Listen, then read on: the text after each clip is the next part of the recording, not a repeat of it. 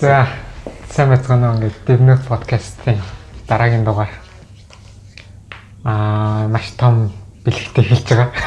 Энэ болохоор битээр анх удаа хамгийн анхны зочинтой хэлж байгаа дугаар байгаа. Анхны зочин юм. Тийм анхны зочин. уу? Үн зочинтой байгаа юм уу?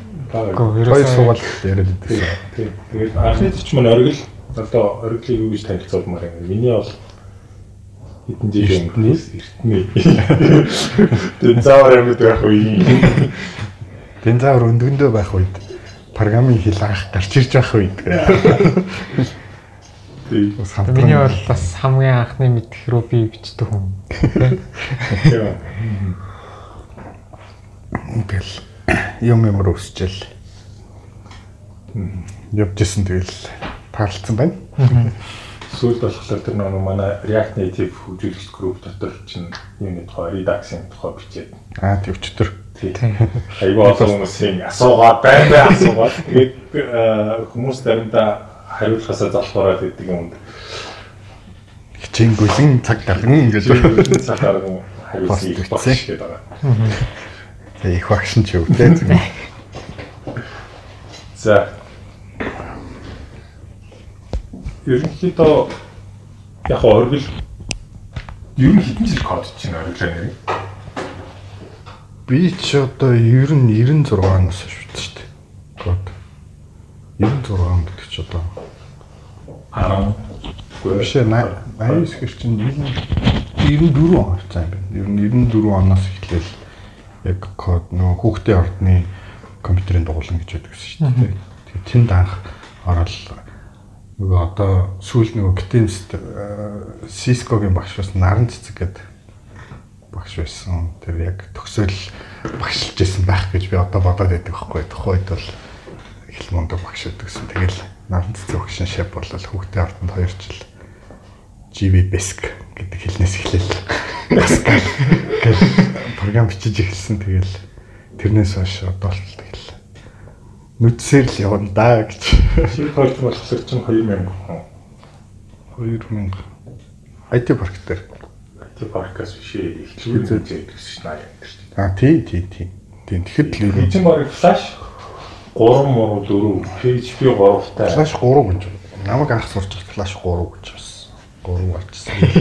Тэгэхээр чинь зөвхөн нөгөө анимашн талдаа байдагсан шүү дээ Flash чинь. Тэгээ сүүлдээ action script энэ төр нэмэгтэй тэр нь бүр объект болоод гоё болоод. Тэгэл Тэгэл нэг би би чинь би чинь тэгэхэд нэг юу тийм PHP 3 суулгах гал нэг сурах гал явж байхад оргил болох дээр нэг ямарсан суулгацсан бас нэг жоох юм сурцсан байсан.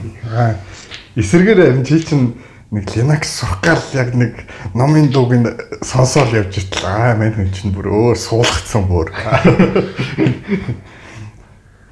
Тэгээд нэг флаш дээр нэг хит юм уу хийж оргил бол угаасаа л юм л та.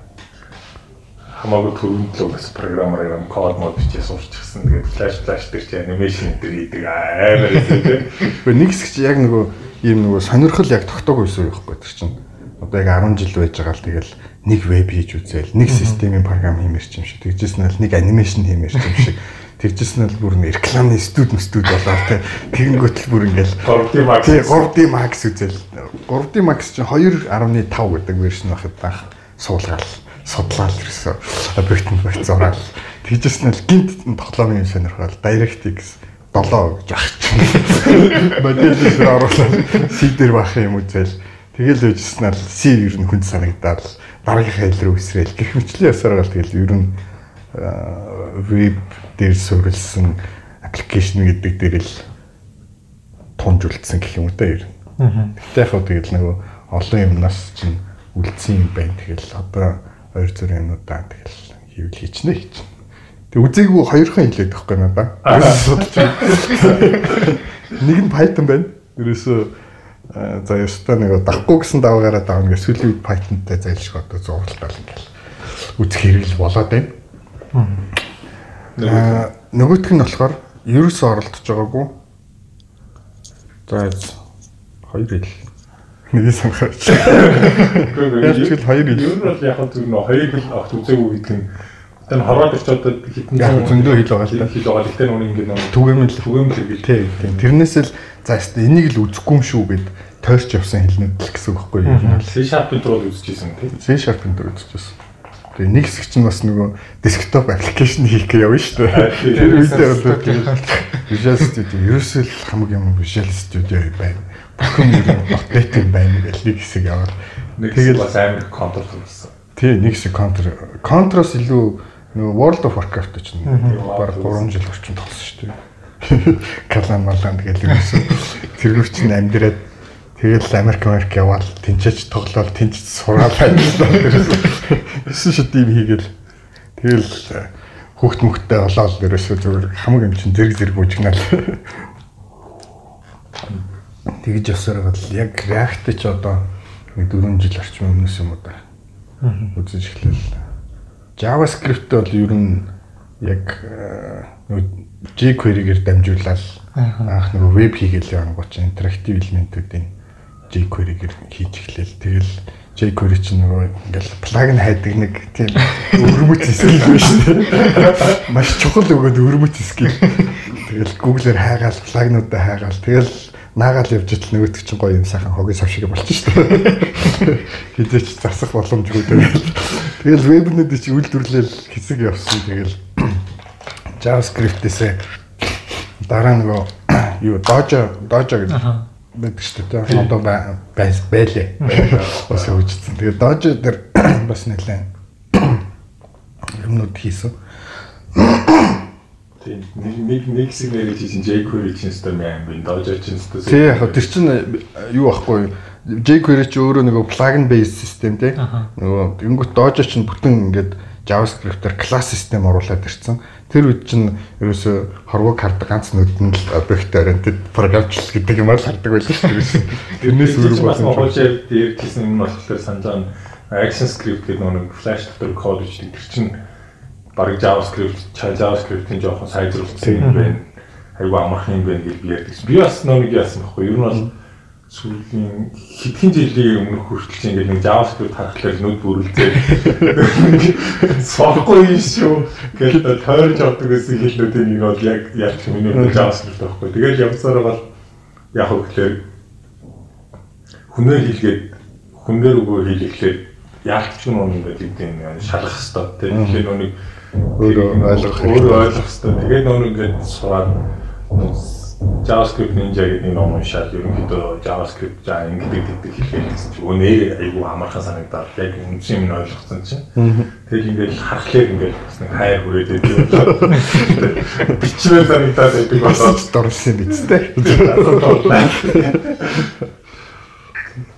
Тэгээд Dojo яа, Dojo. Тийм, Dojo дээр яг нөгөө бүтэн класс системийг яг Dojo дээр ингээд одоо юу гэхэд эмуляц хийсэн гэх юм уу да ер нь бол дээр бэлт хийсэн.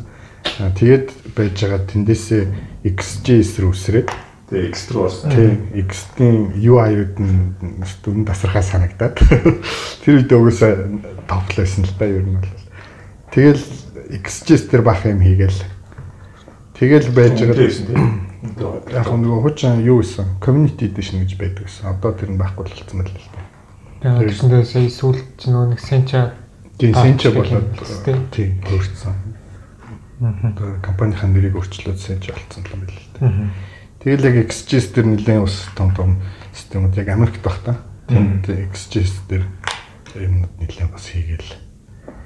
Тэгэл тэндээс тэнцэж нэг бэкэнд нь болохоор PHP дээр хийдэг.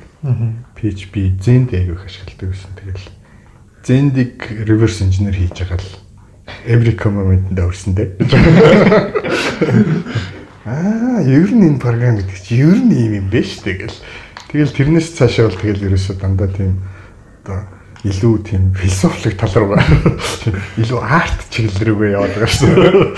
Илүү гүнзгий тэгээд тэгэл яг яг нөгөө код бичил нөгөө яг ингээл олон парадайм байгаа тийм програм бичдэг янз бүрийн аргачлалууд байгаа л тэгэл тэн дундаас чинь ингээд ерөнхий нэг юм ойлголттой болоод ирэхээр чинь нөгөө хилний хамаарал гэдэг юм харьцангуй баг болоод одоо C хийж байгаа C sharp орох ч юм уу синтаксийн жоохон зөрүүнтэй болохоос яг цаад концепц нь угаасаа л програмын хэл гэдэг чинь яах гэж зохиогддог үлээ тий. Тэгэл тэрнээс эхлээл бодох юм чинь шал өөр болол арай жоохон нөгөө одоо шашнаар бол одоо нэг арай жоохон ингэ левел ахаад байгаа юм уу да. Пастор мастер гэдэг шиг эсвэл юу гэдэг лээ. Хамб гэлэн мэлэн гэдэг юм явж байгаа. Тийм гэж ойлгоод байгаа шүү дээ ер нь. Би бас тэрчийн програмчдыг хэл бол айгүй чухал гэж боддог. Яг тэгэхээр одоо миний хувьд нэг ингээд нэг яг нэг гардаг айгүй том асуулт юм болохоор тийм байна. Ингээд нэг 2000 баг 4 оноос ч хойш нэг Python гэж сураад бичиж эхэлсэн. Тэнгүүтээ нэг ингээд функционал хэл буюу JavaScript-д ашиглахлаар нэг тийм асуудал нь харьцангуй гайгүй. Тэгэл Java бичлэгээр эхлэхээр нүг амар ингээд нүг юу тийм ингээд Java-гаар сэтгэж чадахгүй байхгүй ерөөсөө ерөөсөө сэтгэж чадахгүй байгаа шүү дээ. Тэнгүүд яг хөглөр нүг ингээд Тэнгүүд Java-гаар бичлэгээр бичихгүй бол Kotlin бичлэгээр Kotlin чинь ингээд функционал програмчлууд ингээд бичих боломжууд нь хамаагүй илүү. Тэгэхээр Kotlin болохоор аюу ингээд надад бол ингээд код хийхэд аюу амархан. Java болохоор юу ингээд болохгүй байгаа. Нэг л ингээд амар модон байгаа. Тэнгүүд яг бас нөгөө талаас харахад нөгөө Swift Objective-C ингээд ингээд харахад хэлнүүд ч өөр юм гэсэн бас нэг философи болчиход байгаа шүү дээ. Тийм. Тэнгүүд нөгөө тэр философиг нь магадгүй чи нөгөө амар ингээд би болохоор төлөв яваад байгаа. Олон олон юмуд ингээд үзсээр байгаа философи руу яваад байгаа. Философи яа. Тэгэхээр нэг хүнийхээ философийн сайн ойлгоод тэр нөө хилээрээ сэтгэл сурахгүй сайн код өгөөж чадахгүй юм шиг. Ер нь л хаа яг нөгөө яг синтаксийн хэдийгээр ойлгоод авч одоо юу гэдэг синтаксийн сурна гэдэг чинь бол бичиглэлийн хувьд ингээд тодорхой хэмжээний бичих чадвартай болчих чинь. А цаана байгаа тэр яг энэ хэл нь юунд зориулагдаж хийгдсэн юм бэ гэдэг философийн ойлгоод тэр тэрнийхээ дагуу програм бичдэг болтол бас тодорхой хугацааны дэш хэрэгтэйтэй. Тэрэн дээр янз бүрийн одоо практик хийх хэрэгтэй. Тэгэхээр тэр нэгээс 2 жил орчим ер нь бол мастер болоход бол миний зүгээр яг ажилласнаар за нэг хилийг барьж авал ингээл за мастер гэх нь цааш юм. Тэгээ ер нь ямар ч гэсэн уламжийн хэмжээнд нэг тэг бизнес домын дээр ажиллаж хурц одоо програм хийх боломжтой болох хугацаа бол нэг нэгээс 2 жил орчим юм уу дал гэж би бодсон. Тэгээд тэр чинь бол яг хүн хүний нөгөө сурдаг арга барил гэж бас ондоо шүү дээ. Зарим хүмүүс бол илүү одоо уншаад гэдэг юм уу видео үзээд ингээд сурах. Минийх бол зүгээр нөгөө өөртөө бол амар хай тим боломжгүй юу тавьчдаг, зориг тавьчдаг. Тэгэл энэ хэл дээр энэ юм хийн гэл. Тэгэл тэрийг яаж хийх ерөөсө тэр ойлголт ерөөсө байхгүй. Тэгэл шууд нөгөө дайв ин хийдэг байхгүй ер нь бол тэгэл тэрийг нүдэл яг тэр нөгөө анх яг флаш сурахтаа яг тийг сурч байсан. Яг нөгөө флаш дээр чинь яг анимашн хийгээ байж байгаа. Тэр үед бол өдөржин шинжэн нохт үзсэн тийм. Тийм. 7 хоногийн дараа нэг уулзсны 2 3 онцоод өгдөг гэхэд би ийм шиг юм сонсон. Нүд бүд дуурч хийж байгаа. Удаад удаад амар юм бол сууж идэг шүү дээ. Тэр чи яхта нөгөө бас харцангуй санаа зовх юм баг байсан. Тэгээ тэгэл хичээлдээ юм. Өөр юм байхгүй юм чинь тэгэл хурж ирэл хаалгаагаал ерөөсөө өрөөнөөсөө гарахгүй бараг чинчэний илчрээд байгаа уу муудаад байгаа юм аа нэг 7 нэг үнэр орчоод тэгээд уцаж гарч ирсэн шүү дээ тэгэл яг тухайд нөгөө яг флаш дээр скрипт нь скриптийн сураал акшн скрипт сураал тэгэл нөгөө Winamp гэж плеер гэдэг байсан шүү дээ. Winamp-ийг тэр чигээр нь флаш дээр хийнэ гэдэг тийм өөртөө зориг тавиал. Тэгээ Winamp-ийг хийж байгаа байхгүй. Яг эхнээс нь ерөөсөө гэл UI нь яг Winamp-ыг дөөрөөл play button button гэл. Тэгэл тэр visualizer энтрийн бүгдийг яг хийгээл тэгэл. Тэр easing store үзэл хийсэн. Тэр Winamp-ыг хийсэн. Тэр 2000 2000 тэгээ 2000 онд нөгөө и Монгол гэдэг компанид ажилд орж байхад би тэр Winamp бариад очижсэн байхгүй юм хий. Ийм холбооны нэг мөнхөд энэ тийм тийм яг нөгөө Монгол медиа комгийн сайт нэгж тэн дээр ажилд орох гол очихдоо миний портфолиод надад барьчихсан л байна. Тэгэл тиймэрхүү юмуд нэлээд агаал. Дараа нь яг төгсөлтийн ажилд гэтэмс төгсөлтийн ажиллагаа ихтэй яг юу ахал. За ерөөсө 3D Max-ыг нэг судлаад эхэлсэн байсан. Тэнгүүтээ 3D engine-ийг action script-ээр flash дээр хийнэ гэж зорилго тавиал. Тэгэл Э, юу яасан л та. Тэгээд тэр нөгөө гадны юмнуудыг үзээ явж хахад 3D тэр чинь флаш дээр юмнууд аягүй хийдэг гэсэн шүү дээ. Объект оруулж ирэл хөдөлгөөл хэрэгэлдэг. Тэд нар бүр амар санагдвал тэгэл тухайд яг 3D инжин хийн гэж тэгэл Гэхдээ яг яг бүр тийм яг engine хэлбэр лүгээч бол ороогүй л та. Гэхдээ ямар ч байсан нөгөө basic sphere одоо гурвалжин common энэ одоо зурчдаг. Тийм. Тэгээд 3D орчинд эргүүлээ тойруулаа харчдаг. Тим engine flash дээр хийгээл flash-ын замнал маань өндөрсөн дөө гэж. Тэгээд хамгийн гол нэг flash чинь өөрөө дээд болсон. Одоо бол Одоо бол нэр хөгжлөө шүү дээ. Одоо байд юм ба. одоо байгаа. Одоо яг хуу саяхны хүртэл нөгөө юун дээр айгүйх тоглоомын платформ болсон. Браузер based тоглоом бол платформ болж явж ирсэн шүү дээ. Тэгээд одоо бол орлох зүйн байранд гараад ирчихлээ л дээ. Тэгээд ер нь Apple-аас бол дампур цэгж айлхдаг шүү дээ. Apple-аас болохсараа гэсэн аюулгүй асуудал аяг хэцүү тий. Тийм тийм ер нь бол яг флашаар дамжуулаад Windows exploit гарч ирээд exploit гарч ирж байгаа хакер болж ингээд тэгэл вирусууд нь флаш Та бол тэр талаас нь сайн мэдэх баха.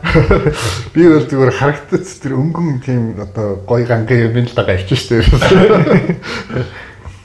Тэгэл яхаа яг нөгөө тэгж сураад одоо тэр нь өөрөө юм habit болцсон гэх юм уу да. Тэгэл одоо ер нь ажил дээр ч гэсэн э, юм сурахтаа ч гэсэн дандаа тийм амар хай баг боломжгүй шахуу гэсвэтэй одоо зорилго өөртөө тавил тэрнийхээ араас шууд орчдөг. Тэгэл тэрийг ингээд алхмаар урагшлуулах нь өөрөө тэр нь ингээд нэг цаашаа явуулах мотивашныг өгдөг болсон гэх юм да. Тэгэл тэгээ тиймэрхүү байдлаар одоо React-ийг ч гэсэн яг тэгж л бас Ember Ember XJS React бүгдийн дандаа тийг сурсан юм л шууд ингээд л ерөөсөө за ерөөсөө ийм аппликейшнийг ерөөсөө л XJS дээр хийлээ гэж.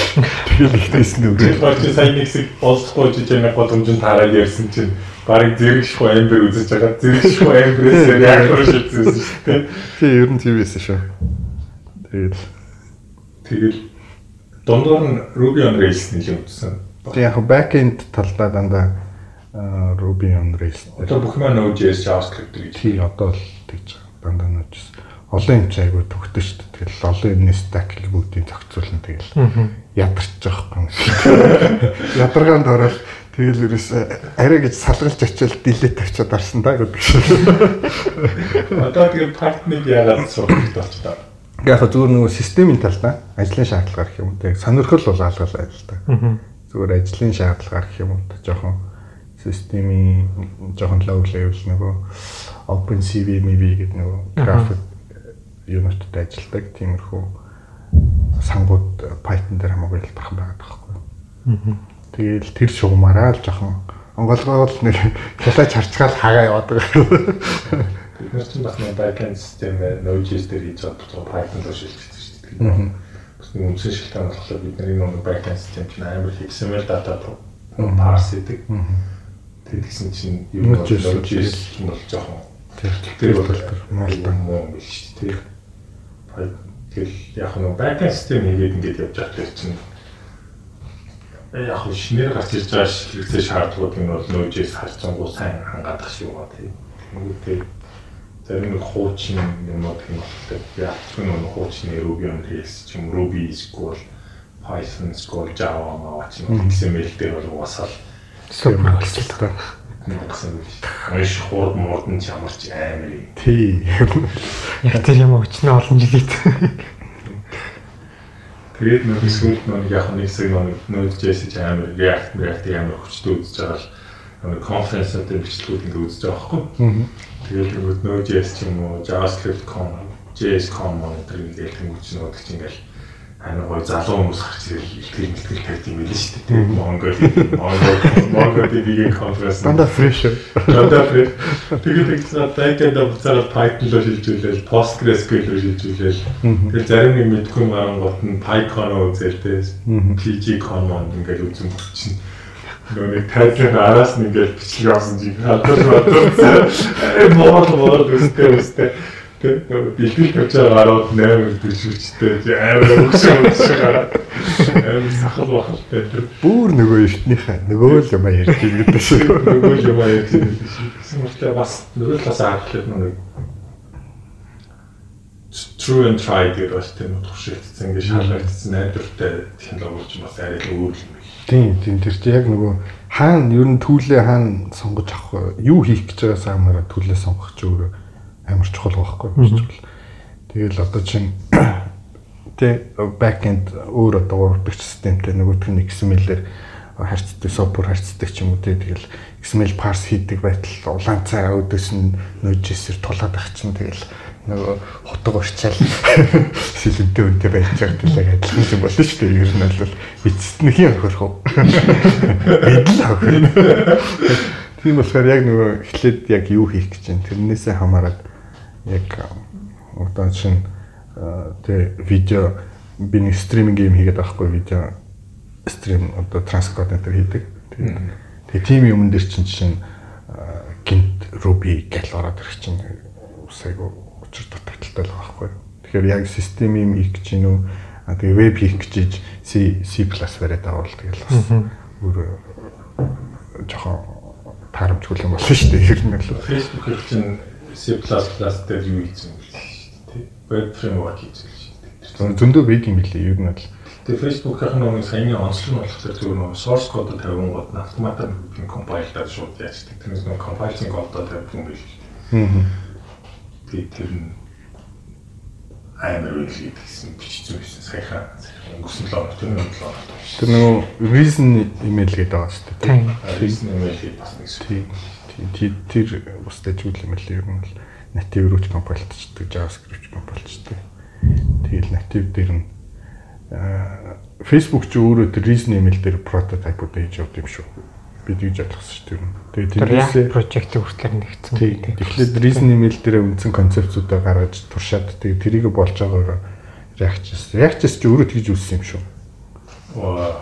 Би бол тэгж ойлгосон. Сүүлдээ тэр юунуудыг юм шаагаад байсан чинь. Сүүлд нэг Facebook-ын подкаст нэг Diff гэдэг нэг шинэ подкаст гарцаа л. Тэр нэг Facebook open source-ын багийнхан хөтөлдөг. Тэгээд тэн дээрээс React Reason хоёрын тухайн эпизод дээр нь болохоор нэг хүн юм. Тэгээд эхлээд React зохиогоо дараа нь Reason зохиосон байсан. Тийм. Тийм. Тэгэхээр би яг Reason-ийг сүүлдэл зүгээр хальт онгойлгож хараад ямар шүү боломж байна тэрийг л. Анх чин тэр чин тэр нэг нэг Ocaml гэх. Тийм Ocaml. Тэрэн дээрээс ингэж анх үсгээд. Тэгээ одоо тэгээ тэр нь бүр айгуу сайн ажиллаж ин л гэдэг л шүү. Харин тийм. Гэхдээ бас амар сайн хөрвүүлдэг болсон. Нөгөө мэдгүй хүн чинь гаднаас нь харахаараа хүний амал харна шүү дээ. Тэгэхээр хідний ревюнуудаа уншаал про хаана байна, конс хаана байна гэл тэгэл уншаа явчих. Тэгэхээр чинь тэгэл тэрэн дундаас шууд одоо юу тийм энэ гоё ч юм уу тэр нь хэлж мэдгүй л байл та ер нь. Ямар ч натив руу хөрвүүлчихэж болдго юм билээ. Тэгээд нөгөө гол нь reason харах болсон шалтгаан нь нөгөө React Native шиг desktop энэ юм тайгаа явуулсан байхгүй юу ер нь. Одоо React Native чинь яг манай JS layer байгаа ч гэсэн өсвөл native код руугаа дамжуулаад бичиж болж байгаа шүү дээ тийм. Яг тэрнтэй адилхан desktop React Native-ийг хагаа явж ин гэсэн үг байхгүй юу? React Native Windows гэдэг шүү дээ. Чинь гэхдээ Windows дээр явахгүй. Тийм. Дандаа cross platform хэрэгтэй байдаг шүү дээ. Nano JS-ээр одоо UI юмнуудаа хийж хагаад хөсвөл би юу гэдэг C дээр Windows API-тай холбогдох ч юм уу, Mac-ийн API-тай холбогдох ч юм уу. Электрон чинь too heavy ба шүү дээ бүтэн Chrome instance-ийг дуудаж авчраа. Тэгээд тэрэн дээр аа ажиллаж байгаа л да. Ер нь бол гайгүй. Гэхдээ яг юу гэдгийг жоохон системийн аппликейшнуд хийхэд бол жоохон тохирч муутай л байгаад хэмжээний хувьд ч том болж байна. Тэгэл бүтэн институт ороод ирнэ. UI бол сайхан ажиллаж байна. Тэгэл ер нь л хэцүү хан мөрөгжил байгаа юм л та мөргөд байна л та. Тийм тэрнээс одоо яг энгийн аппликейшнуд энгийн ч багтай зөвөр ер нь аппликейшнуд электрон зэрэг. Одоо би болохоор ингэ бодглохлоо. Гэхдээ яг Монгол монголчуудад болохоор миний хараад байгаа нэг өөр үнс нь болохоор Mac зориулсан шин desktop application баг хийх шаардлага байх юм шиг Монгол хэрэглэгчтэй зориулаад одоо шинэ үгэн Mac дээр үү? Тийм Mac дээр. Windows бол одоо Гэхдээ одоо юм байгаа байхгүй юу? Гэхдээ ер нь бол тийм л дээ. Гэхдээ тэр чинь одоо юу гэдэг тодорхой бизнес домен дээр ажиллаж байгаа тохиолдолд бол тэр зоригтуулах юм ч үнс байхгүй байхгүй. Бид нэр таргетаа юу гэдэг хаяа за энэ хэсгийн нэг хувийг хаяа хаяа ч гэдэг юм уу тийм. За XP байхгүй юм чи XP дээр ажилтдаг болох ч гэдэг юм. Тиймэрхүү байдлаар ажиллах юм бол нөгөө яг суур юу чинь бол бас тоглолттой санагдаад байгаа юм л та. Тэгэл тэр үүднээс л тэгээд хэрэглээний ч аппликейшн бай одоо Mac дээр ажилтдаг байхыг бол тэгэл өсөөсөө шаарч эхэлж шүү дээ Тэгэл мак тавьчаал мака молоо суудгийг. Юу яах вэ? яг байгаа юм байхгүй. Тэр өнгөрсөн 7 хоног өнгөрсөн 7 хоног нэг юу meetup болсон шүү дээ. Яг нэг meetup тэгээд дээр очиж бид нэр гарчаад нэг хэсэг залуучдаа бид нар тийм юм яриа суудсан чинь нэг веб developer гэжсэн. Манай ингээд одоо Internet Explorer 8 support хийдэг те. Тэгээд тэр нэг хэцүү байдаг тухай ярихгүй. Ай наа гэж гэж байгаа. Яа тэгэхээр Internet Explorer чинь Монголд баг ашиглахгүй байгаа. Тэгээ баг ашиглахгүй байгаа. Ашигладаг дотор Internet Explorer 8 8 чинь бүр бүр тэр дотор ингээд нэг хоёр дотор бүр ингээд байхгүй болчиход байгаа. Тэгээ тэрний төлөө одоо юу гэдэг нь Internet Explorer 8 спортлын төлөө Chrome ашиглаж байгаа. Тэгээ Firefox ч юм уу эсвэл ари илүү сүүлийн сайн браузер ашиглаж байгаа 90% хүмүүс ингээд хойж болохгүй шүү дээ. Хойж болохгүй тий. Одоо чинь ийм байхгүй. Интернет Explorer 8-аар ороод ирвэл Chrome татчих байгаа гэдэг хооц үзүүлээ. Тэгээд болчих юм шиг гэсэн чинь нэлээ ятгсан л та. Тэснэ чинь нэр бас ингээд бодох хэрэгтэй юм байна. Нэр наадахс нэрийг бодож үзье. Ингээд тгий тгий гэж. Гэт хийгээд. Яг уу одоо чинь хэрэглээний аппууд дээр бол тэр надад бол тэг санагддаг байхгүй. Одоо чинь төрийн байгууллагууд дээр ингээд очиод үзье л та тий. Тэнгүүт ялангуяа за яг надад бол тохиолдсон ингээд электрон дээр хийсэн аппликейшн авчиад ингээд суулгах гэдэг. Гэтэл хамгийн багтаа Windows 7 шаардаад байдаг. Нөгөө би яг сүүлийн хувилбаруудаар нь компайлтад электрон ингээд аппликейшн би сайжруулаад явж байгаа шүү дээ. Тэр чинь ингээд тэгэхээр электроноо сайжруулна тий дотор нь байгаа бүх юмнуудаа л апгрейд хийж байгаа. Тэгэнгүүт чинь нөгөө юу чинь дроп хийгдчихэж байгаа хгүй XP чинь ингээд байхгүй болчихж байгаа хгүй. Угаасаа ч Windows XP чинь support байхгүй болсон шүү дээ. Тэгэнгүүт чинь төрийн байгууллагууд ингээд зарим ингээд машин гэдэг тэгэнгүүт чинь XP-тэй байж л байгаа хгүй. Тэгээ тэрийг одоо та ажиллаа хийгээд болоод байгаа юмыг нь үгүй Windows 7 суулгаа гэж хэлэх одоо тийм зүрх шимшрээд хөрөхгүй байхгүй гэж хэлж чадахгүй байхгүй. Тэгж тийх боломжгүй байхгүй. Эцсийн хэрэглэгчд нь зүгээр одоо юу гэдэг тийм организашн биш те хөв энгийн хэрэглэгчд паблик одоо юу гэдэг чи бид нар шиг улсууд байгаа бол апгрейд гэл тавчин дараал ингээл апгрейд болж байгаа юм л да. Тэгээд Тэгээ сайн нэг таптар бас нэг өөр нөө яг уу яг нэг corporate ч юм уу байгууллага хүмүүсээс ирсэн бас нэг хөгжүүлэгч байж байгаа. Яг тэр ярианд донд тэр тэгсэн чинь Интернет Explorer 8-ын 8-ын яг тухайн нэг патчд зориулаад ажилладаг юм дотоод вебтэй. Тэгэл Internet Explorer-ийн апдейтыг юу ч суулгадгүй хүртэл тийм байгуулга байдаг. Суулгууд нь эвдэрчдэг гэдэг аахгүй татаас тийм. Тийм амар яг хөө зөв нэг тийм. Одоо ер нь бол тийм кейсүүд амар их шүү дээ ер нь.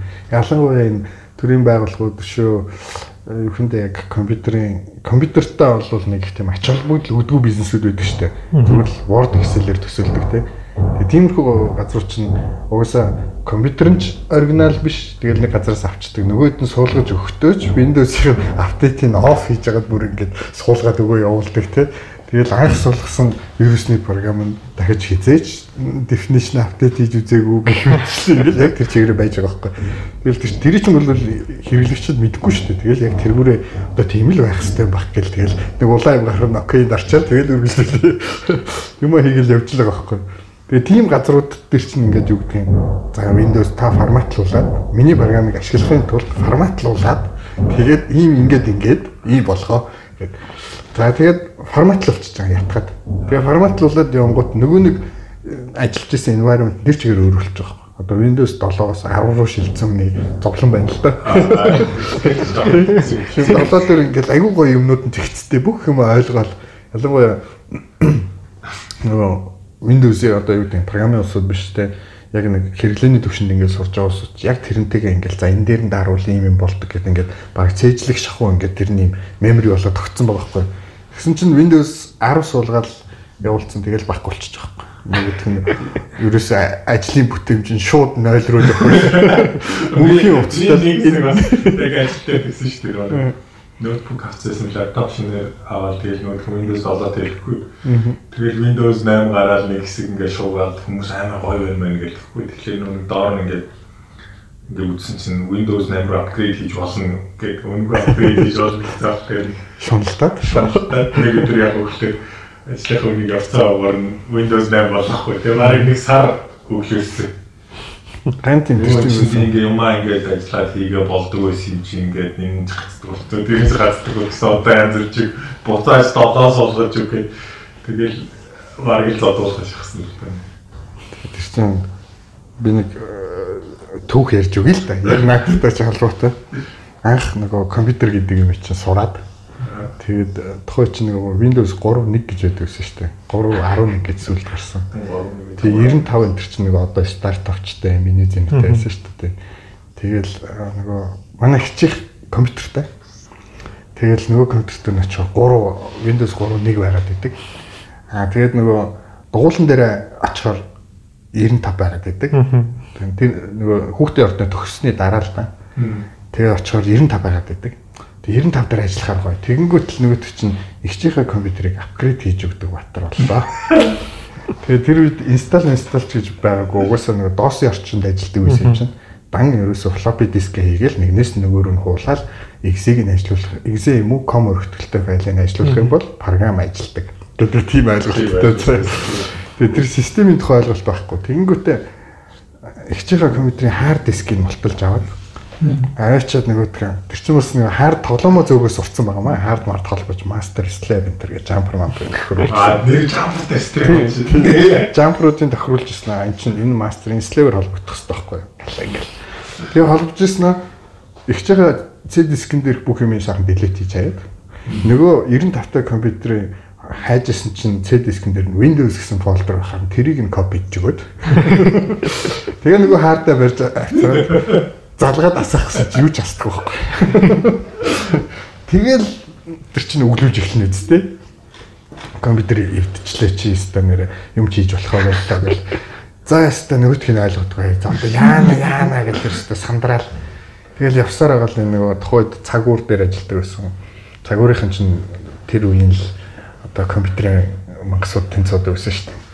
Тэгэл тэн дээр боко хүндээ шүү дээ. Тэгээ бокогийн их жахт нар ингээл дамжуулж дам дамаа очивол тэгэл ямар ч эсвэл хаардаа барайл очсон.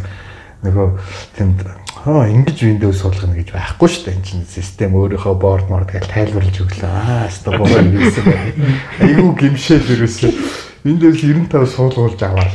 Тэгээ тэр чинь бас симпл байсан бохоггүй. Хаардаа авчиад 95-ыг инсталл дуулчих болж исэн гэхээр тэгэл авцраал нөгөө хаардаа залгасан ч лөө өстой дээр авир авир бүх юм таньж манаа л 95 арай гэж нэг юм ажиллаа. Тэгс нөгөө Word нь гэдэг.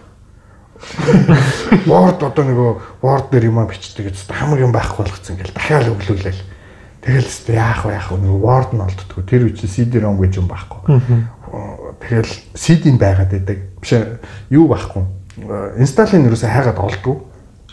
Тэгээ сүултээ ээжигээ гуугаад манай ээж одоо энэ санхүү эдийн засгийн сургууль дээр багшилдаг компьютерийн багш гэдэг байсан найз дээр очиод манай хүн ингэсэн тэгсэн гэж зовлон. Тэр тэр дунд чинь мөнхийн өглөөлж явж байгаа. Хүний юмд хамаагүй шүү. Хүүтэй хамтлаа, хүр зээт шиг хамтлаа гэж тэрээс ихчтэй хамгийн болохоо байлаа гэж. Тэгэл тэгсэн чинь ахгүй юм юу вэ? Дипломат чимдан гэж байдаг гэсэн шүү дээ. Тэр үеийн тэргүүр дүүрэн флоп яваа юм чинь диск 1 2 3 4 гэ 76 ширхэг floppy дисктэй Office install байхгүй. Тэгээ өнөөхний сайхан авч очиод тэгээд нөгөө ах хөг цуг залж авцраад тэгээд л ерөөсө хоол унд хийж өгөл. Тэгээд би нөгөө диск 1 гэж хийгээл тэгээ за энэ яг дараалал нь ингээ хийгээ суучаа гэл. Тэгэл нөгөө ахчин бол ах тэгэл юм юм яриад суучаа. Би нөгөө тийм ингээл хараа сууж. Тэгээд тэг please insert disk 48. Тэгээд 48-ыг хийгээ. Гэх мэтчлэн баг тэр өдөржигээ юм болсон бохгүй тэр. Тэгээд ямар ч гэсэн тэгж нэг Windows 76 floppy 144-ийн floppy биш үү дөрвөл байгаа. Тэрнээс Windows биш Office 95 суулгаж байлаа. Тэгэл бүр анханасаа тэгж эхэлсэн байгаас тэрээс тэгэл хэдэн онд компьютер болчихсон өөрөө. Би юу? Би чинь 10 төгсөөд компьютерт олчихсон шүү дээ. 10 төгсөөд гэдэг чинь 99 он явцсан. 98 он маж. Тэрнээс өмнө бол тэгэл дандаа энэ мөсийн эдийн засаг энэ төр гэл компьютерийн лабораторитой газрууд тэгэл хүнд нь юу хаал. Ингээ хавхт мөхтөнд очиад ингээл тоглоом молом яагаал. Тэгж бас 98 онд ах компьютерт бас тэгэл би би жилийн компьютер тийм тийм нэгдүгээр сургуулийн урд байсан шүү дээ. Тэгэл нөгөөх нь яг нэг гэдэг 6 сарын баталгаа жил өгсөн. Тэгэл би ингээл компьютер амар их оролдог юм шиг гоё. Тиймэр чинь нөгөөсө хобби нээсэн. Хобби хобби нээсэн оролж оролж байгаа юм болохоо байгаа. Тэгэл аав байж байгаа хагас өдөр бол нөгөө газар очдөг. Тэгээд нөгөө Windows-ын янзлуулдаг. Тэгээд тэр үед ташин 88 мегагийн RAM RAM-тай байсан шүү дээ. Windows 95 таа байсан. 95 таа байж байгаа. Тэгээд нэг болсон чи 98 гарсан. Тэгээд 98 суулгуулаа. Тэгсэн чинь RAM өгөхгүй ингээд 16 болов болох бол. Тэгээд 16 ахаад нэг аав ээж гойж гойж байгаа дахиад нэг 8 RAM авч тавиад 98 суулгуулаа.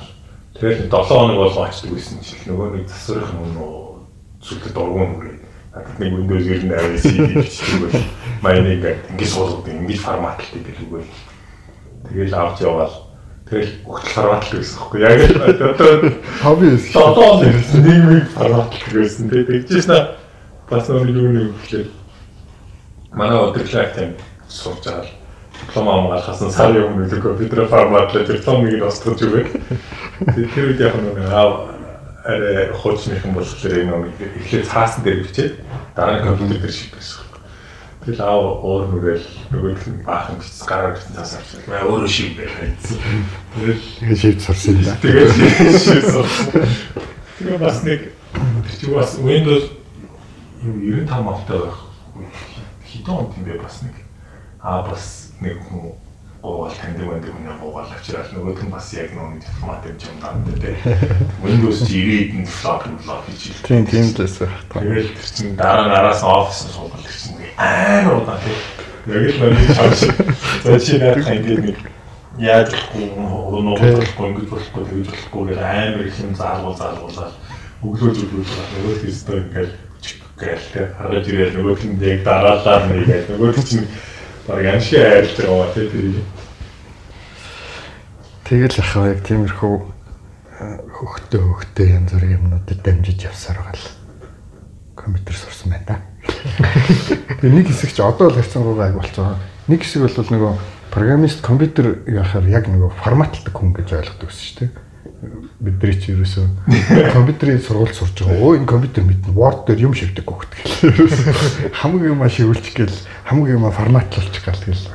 Анхандаа ч бас нэг хэсэг бол их сонирхолтой. Ой ой яасан би форматлаад өгөх үү. Ингэдэг байхгүй гэл амар тайлбарлаж. Форматлж юм хэрэгтэй байж бас тагнал. Одоо бол ерөөсөө ерөөсөө баг 5 6 жилдээ нэг форматлж байгаа юм уу? Форматлаг үдирчгтэн тэгэл явж л байгаа юм. Миний сүнтэй нэр хэцэг. Сайн нэг сар хоёр сарын өмнө нэг нэг ажинд нэг манайх компьютер дээр юм болохоор л гэдэг нь орчиж үзсэн. Нилээ ухаж ижил юм болсон. Тэр мэдхээ хэцүү байгаа чи эргээд бас нэг хаяа ээж хүмүүс болоод зураг янзлаад өгөн гэдэг тэгээд юу зураг янзлж чадахгүй шүү дээ. Чи тэгээ юу хийдгийг хан тэг тэгж асууад шүү дээ. Яг тэгээд одоо програм бичнэ гэд яг юу хийдгийг гэл. Одоо таны нэг Word штэ гэхээр шууд ойлгож байгаа. Аа за гэл тэр Word чинь зохиод байгаа байхгүй юу? Аа гэл. Тэрнээс форматлын энэ төр гэдэг чинь технологийн техникийн ажил байхгүй юу? Тэр чинь би мэдэхгүй шүү дээ. Аа гэл. Хуучин дүүхс гэдэг чинь нөө CD бичдэг гэж байгаа CD бичгчтэй болох гэж мөрөөдөл тий. Тийм. Rare item бол CD-ронтой болох гэж бас мөрөөдөл. Тэрний эсвэл дондор нэг zip drive гэдэг юм гарч ирээд баг болсон тий. Нэг яав. Мактер Макта усуд их яадаг шүү дээ. Zip drive шилдэг шүү дээ. Нэг Fire Firewire гэдэг нэг залгуур гэдэг шүү дээ. Тэр ч бас чинь байх болчих. Тийм тэр ч тэгээд одоо бас байх болох шиг л. Тухайн үед л тухайн үеийн Thunderbolt юм уу да. Тэр флаш шигэд одоо л ерөөсөө react хийх тийм. Тийм ер нь голцоо шаардлагаар их юм уу да. Хуучин чинь яхахтай нэг илүү систем тал руу програм одоо юу хэмтэй програм бичгтээ ингээд нөгөө систем програм програмынх нь өөрийнх нь хөгжил талаас нь хараад ингээд бичээд байдаг. Сүүлийн үед бол нөгөө дандаа хэрэглэгч маань яаж хэрэглэх гэдэг user experience талаас ингээд харж юмаа хийдэг болцсон. Тэгэхээр чи ингээд яалтчгүй UI-тайгаа төрүүлж ингээд зурлах ихэнх цагаа UI дээр өнгөрөх шаардлагатай болчиход байгаа байхгүй. Тэгэл тэр шаардлагын үднэс гэдэг юм уу? React-тай ер нь бол одоо баг гэрэлж байна тоо гэж. React-ийн групптэй бичиж байгаа нэг нэг сони байна шүү дээ. Нэг л одоо яг хочин jQuery сэтгэлгээнээс ерөөсөө салж чадахгүй байна гэдэг нэг тийм. Тийм тэр ч бол өстой цагийн ирэхээр саландаа л хэлдэг өгтөө одоо тэрэн дээр нүдэд нүдэд тэгэл энэ Тэстэй тэгээд хүлээ. нөгөө клик хийн гэж ярьдаг шүү дээ тийм. Нөгөө одоо би бол Eureka moment гэдэг байхгүй. Яг ингээл юм нэг ингээд цаад суурийг ингээд нэг ойлгоод авчихгаа. Ингээл орой руу орно гэдэг чинь яг болдгийн байлээ л дээ. Тэгэл яг хаа нэг ер нь бол хийгээл оролдоод авах хэрэгтэй л ба тэгээд гол нь нөгөө байгаагаасаа дандаа ахиулж тэгж оролдох юм бол тэгэл ороод сурах байх. Мэдгүй яг хүн хүний өөрийн сурдаг арга барил. Би дөрөв бол хэлсэн шүү дээ. Шууд ингээл тэгээд тэрнээсээ болж бас их бас их хохирдог ер нь бол хохирох нь их. Ялангуяа нөгөө ажлын хийж байгаа стабил явж байгаа тийм системүүд дээр тийм хамаагүй ирэмгий зориг гаргаж тийм brave heart шиг ингэж давхиж орж болохгүй л тэгэхээр яг нөгөө Америкт байж байгаа нэг тийм систем дээр тэгж нөгөө X 3 дээр байсан юм аа шууд 4 рүү апгрейд хийж ийн гэдэг Тэгээ тэрнээсээ болоод бүр ингээд депрессэнд ороод за.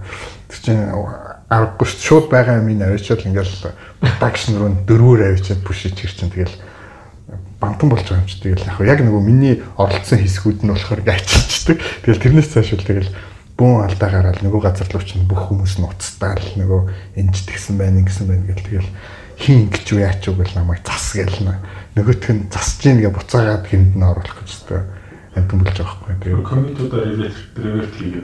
Тэр юун дээр бол тийм source control байгаагүй. Тэр манай ажиллаж байсан юун дээр. Тэгэхээр чинь бол.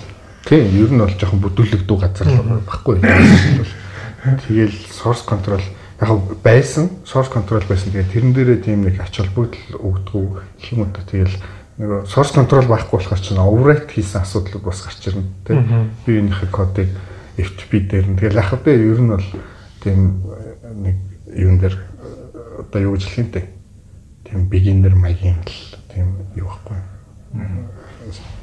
Өнөөдөр нэг хоригдлыг төчнөр урсан болохоор чинь хүмүүс юу яагаад хүлээж байгаа бах та гэж байна. GraphQL гэдэг хүмүүс суугаад. Тэгээд GraphQL-ийн тухай миний хувьд бол ер нь бол ер нь ойлголт байхгүй. Энэ хал нэг юм хөө юм шиг үлээ тийм юм шиг үлээ гэдэг юм хал ойлголттой зориг юм утчих. Тэг би бас нэг халтхан харсан. Тийм. А юу болохоор юм хийгээд яваад байгаа. Би бол юм хийгээд одоо дурлаад. Тэгээ бас хохроо. Бас Эврика моментэр очсон. Яг Эврика моментэр ч арай алшаагүй бах л гэж бодож байна л байна. Яг нөгөө хүссэн үсээгүй ингээ график бол ч гараад ирж байгаа байхгүй анх нөгөө React дээр ажиллаад React чинь яг ингээд view layer байгаад байдаг. Аа би ч нөгөө XJS дээр юм хийж байгаа. Тэгээд React оролдож Ember дээр юм хийж байгаа. Тэгээд Ember-ээс юу руу явж байгаа байхгүй. А Ember чинь бол өөр дээр юм нөгөө data layer таахгүй. Ember data. Тийм. Тэгэнгүүт чинь яг нөгөө бүх бүгдийг ингээд цогцоорон шийдэл байж байгаа. React руу оронгууд яг ч нөгөө data layer байхгүй байхгүй өгүүлэгдээд эхэлж байгаа байхгүй. Тэгэхээр тэр чинь ямар нэгэн байдлаар шийдэх хэрэгтэй болно тийм. Тэгээд эхэндээ бол нөгөө сайхан REST REST REST дээр тулгуурлаж байгаа л backend дээр REST дээр хийгээл ингээл тиймэрхүү байдлаар хийгээ явж байгаа. Дараа нь бас л нөгөө сэлэн барилтаа арч орсон л дээ. Ер нь бол GraphQL за энэ юу вэ? Relay нэг хэсэг үзээд Apollo нэг хэсэг documentation-уудын хоёулыг нь уншиж үзээд тэгээ яг нөгөө data layer л байгаад байгаа хгүй тэр. Тэгэл за энэ мэдээж нэг гоё юм байгаад байж таараа. Энэ бол Facebook-ийн нэрлэлээр юм а хийсэн байна. Тэгэхээр яг одоо энэ юу гэдгийг React-ийн өөрийнх нь экосистемд зохицож нийцтэй ажиллах боломж нь ерөөсөө энэ юм байна. Аа тэр үед ч яг өөрөө нөгөө юу авах гэж зохион байгуулах гэж оролцсон л да. Оролцож байгаа юм л да. Ер нь бол датагаа авцраал энэ ч локал кэшлээ тийм өөрөө тэр нэг дата лейерийг зохион байгуулах. Тэгээд тэр чинь айгүй олон хүндрэлүүдтэй байхгүй тус болж байгаа байхгүй XJS бол одоо чинь өөр дээр сторуудтай те сторууд руугаа fetch хийгээд авчдаг ингээд тэндээсээ юу хаяа ингээд тийм тийм ингээд ажилуулдаг. А тэгэнгүүт яг тэр хэсэг нь байхгүй болчингууд ерөөсөө гараараа REST-ийг REST-ээр дуудсан датануудаа өөрөө органайз хийх гэж нэг хэсэг үзээд тэгээ яг хуу ажилуулчихж байгаа. Тэгээ тэрийгээ дараа нь refactor хийж явах явцдаа л ер нь за ер нь одоо цаг нь болсон GraphQL дээр юм юм хийхгүй болохгүйгээл шууд нөгөө аппликейшнаа шууд бранч ус гээл баг гэл GraphQL хийгээл эхэлэхгүй юу. Тэгээ за GraphQL-ийг докюменташны уншаал за ер нь ойлгочлоо. За бичиж гэл. Бичээл эхэллээ. Тэгэл бичээл яваад явж байгаа л нөгөө REST сэтгүүгээрээ GraphQL бичиж гин гэсэн үг байхгүй юу? Ер нь бол тэгэнгүүт чинь явж байгаа л ингээл хан мөрөж байгаа байхгүй юу? Ялтчихв GraphQL дээр яагаад ийм хэцүү болчихж байгаа юм бэ гэл. Зүгээр л энгийн REST дата дуудаад авчих юм. GraphQL ингээд чинь зүгээр яг энгийнээр ч мөн маш цөөхөн хэвхэн үгээр тайлбарлуул яг юм. За REST миний ойлгоод байгаагаар болохоор чинь надад нэг юу гин хальт үзээ.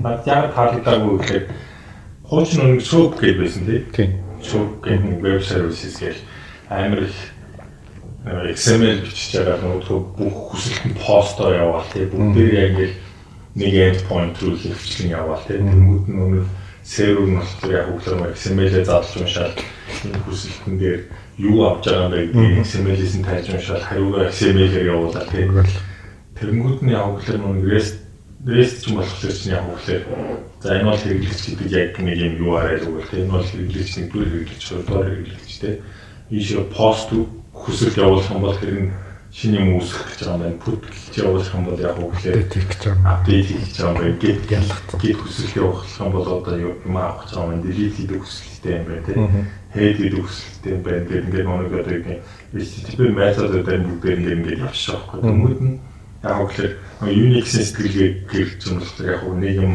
нэг юм нэг юм аюу сайн хийгдгээр нь тэр болохоор надад мэдээж яг хамгийн анх яг нөө хүлээж авах бас жоохон хэцүү байсан байхгүй айгүй хэцүү яг яаж хийх ёстой вэ рестнээс сурах бас ахаар нэлээд бахаа хийжсэн. Тэгэл за энэ рест бол ингээд хэвдийн за саяхны хүртэл бол тэгэл цорын ганц зүг зам мөн гэдэг. Маркетинг шүү дээ дефакто дефакто байсан. Тэгжсэн чинь одоо ингээд нэг GraphQL гэдэг нэг юм гарч ирэл ингээд буцаад хүчээ аваад явсан. Нөгөөх нь ингээд халт гарсан чинь ахаар бүх хүсэлт нь постоор яваад Буцаа Shopify руу юу явж байгаа юм. Буцаад байгаа юм тийм. Шинэ юм гэдэг нь хооч мартагдсан юм гэдэг шиг юм уу тийм. Яг юу байгаа юм л та. Яг гаднаас өнгөцгөн харуулвал яг л тийм ба. Ер нь бол яг сул тал бол мэдээж байгаа. Аа сайн талч байгаа.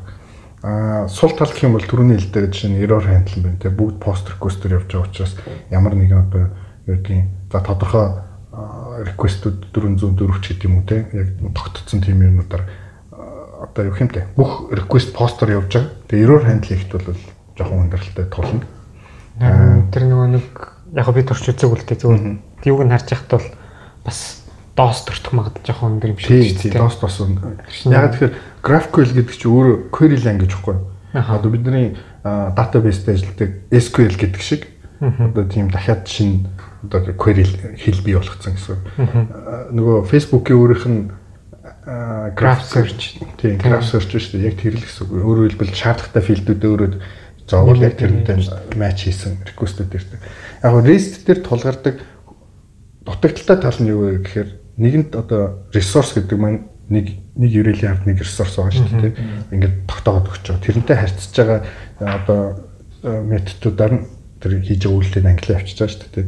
Тэгэнгүүт хоёр ресурс дамжин холбогдоод эхлэхээр яах вэ гэдэг дээр ингээд асуудал үүсэж эхэлж байгаа байхгүй хоёр хүсэл хоёр хүсэлт. Одоо юу гэдэг тухайн юзер одоо юзерийн номнууд ч гэдэг юм уу тийм гэтэл юзер гэдэг маань өөрөө нэг ресурс яг классик REST-д дагах юм бол юзер гэдэг маань нэг ресурс book гэдэг маань нэг ресурс а хэрэглэгч талаас тэрийг татаа авъя гэхээр хоёр request явуулах хэрэгтэй болчих жоохгүй тийм эсвэл нэг user тийм эсвэл шинээр тусдаа яг тэрэнд зориулсан endpoint үүсгэн гэсэн а За дийлэнх тохиолдолд хэрэглэгч. Тийм номтой хэрэглэгч ч юм уу тийм. Хэрэглэгчийн номнууд ч юм уу. Хэрэглэгчийн номны зохиолчд ч юм уу тийм. Ингээд join хийгдээд өөрөөр хэлбэл ресурсууд хоорондоо join хийгдээд ирэхээр REST-ийн дутагдaltaй тал нь бий болж байгаа байхгүй. Олон request үүсэх хэрэгтэй болно. Эсвэл бол тухайн endpoint-д тухайн хэрэгч тухайн одоо case-д зориулж endpoint үүсэх. Тэр чинь багтар нэг JSON API гэдэг бас нэг юм аа гэдэг яваад шүү. Тэгээ нэг Ember-ч нэг тийм биш. Тийм, JSON API гэдэг spec гаргах гэж оролцсон. Тийм, тэр тэгтээ амжилттай болж чадаагүй. Адаптер дээр тэрийг аяг байждаг гэсэн шүү дээ. Тийм, Ember дээр бол адаптер дээр тэрийг зохицуулдаг гэсэн нөгөө хэрвээ энэ миний Ember data дээр үүссэн модель нь ийшээ ингээд ийм холболт үүсгэсэн бол одоо шинэ many to many ч юм уу one to many үүссэн бол адаптер дээр ирж байгаа датагаа би шууд хоёр хүсэлтээ болоод энэ дотор аваад энийг аяш холбосноор гаргачихдаг. Тэгэхээр ингээд нэг дотроо ингээд бас их нэг юм холболтууд нь ингээд тийм тэр нь бол локал дээр үндсэндээ э, юу бас л нэг жижиг одоо орон маягийн холбоосууд ингээл трак хийж, стейтүүдийн трак хийж явах тийм контейнер хэрэгтэй болчихж байгаа байхгүй. А тэрийг болохоор Ember хийх гэж оролцсон л гэсэн үг байхгүй. Ер нь бол одоо нэг store гэдээ яриад байгаа шүү дээ. Тэр чинь ерөөсөө л тэрийг хийж байгаа. Тэр стейтүүдийн трак хийж байгаа л асуудал шүү дээ. А Рестер болохоор яг классик юу гэдэг ахаар нэг бол хоёр request явуулна, нэг бол кейс болгон зориулсан. URL үүсгэнэ гэдэг тийм асуудал үүсэж байгаа. А тэр маань яагаад заавал GraphQL үүсгэж болсон шалтгаан нь болохоор гол хэрэгцээ нөгөө мобайл орчинд байгаа байхгүй. Дата connection багтаа, хурд багтаа тэ дандаа тасалддаг тэр тохиолдолд яг хүссэн датагаа өөрөөр overfetch явчихад байгаа байхгүй. REST дээр бол байнга Одоо чинь би нэг чинь нэг select хийх гээд user-ийн select хийх гээд надад ID нэр хоёр нь л хэрэгтэй тийм. За тэрийг би ингээд нэг endpoint-аас татаад авчлаа. Тэгсэн чинь дараа нь user ID одоо юу гэдэг дахиад нэг өөр field тэгээд нөгөө join хийсэн номнууд нь ч гэдэг юм ингээд дахиад филдүүд нь тухайн кейс болгоноор филдүүд нь өөр байгаа байхгүй. Тэгээд ирэнгүүт чинь REST man яаж юм гэхээр нэг бол хитрхи олон end point-ууд үүсгэх хэрэгтэй болно. Хитрхи олон кейс болгонд end point үүсгэнэ гэдэг маань цаашдаа maintain хийх боломж болно гэсэн. Замбрааг болж эхэлнэ гэсэн. Буцаагаад тэр одоо юу гэдэг нь айдсад гэжтэй REST API-тай ажиллаж явах устгах нь устгах нь гэдэг бол зүгээр л аюул тий. За энийг устгахчаар юу н ажиллах алчихвал гэдэг тий. Тестгүй болвол тэгэл тэр чигээрээ яг тийм юу руу орж явахгүй айдс руу орж явахгүй. Тэгээд team код чинь яаж хөгжих вэ гэхээр ерөөсөө л нэмдэг нэмдэг. Ерөөсөө устгадаг шинээр л үүсгэх шинээр үүсгдэг одоо юу гэдэг git user гэдэг функц одоо шинэ байж гин гэж бодоход тэрийг ингээ харж агаад git user нэгч гэдэг юм те. Дараагийнхын функц ягаад өөртөө зориулсан кейс нэмээ явчихдаг чинь те тиймэрхүү одоо юутай тулж ин гэсэн үг л те. Яг тэрийг шийдэх арга мэдээж тест гэдэг юм ингээд өөр аргачлалууд болоо. Гол юм нь болохоор тэр нөгөө over fetch хийгээд байгаа. Олон request явуулж гин эсвэл бол хэрэггүй их дата татаж авч гин. Тэр маань болохоор мобайл орчинд нөгөө waste of resource болчиход байгаа байхгүй. Тэр үүднээс л Facebook яг GraphQL гэдэг. За ерөөсөө л яг миний хүссэн датаг надад өгдөг байх хэрэгтэй юм гэдэг үндсэл дээр GraphQL-ийг гаргаад ирж байгаа. За GraphQL маань өөрөө болохоор давуу тал нь хэдийгээр гаднаас нь харахаар нөгөө post request гэдэг шиг SOAP маягийн те ажиллаж байгаа ч гэсэн яг цаанаа болохоор field болгоно өөрөө одоо нэг reducer гэдэг шиг resolver-уудтай байхгүй. Nested ажиллах чадвартай гэсэн. Тэгэхээр би тухайн field-н дээр ганцхан query биччихлээ тий.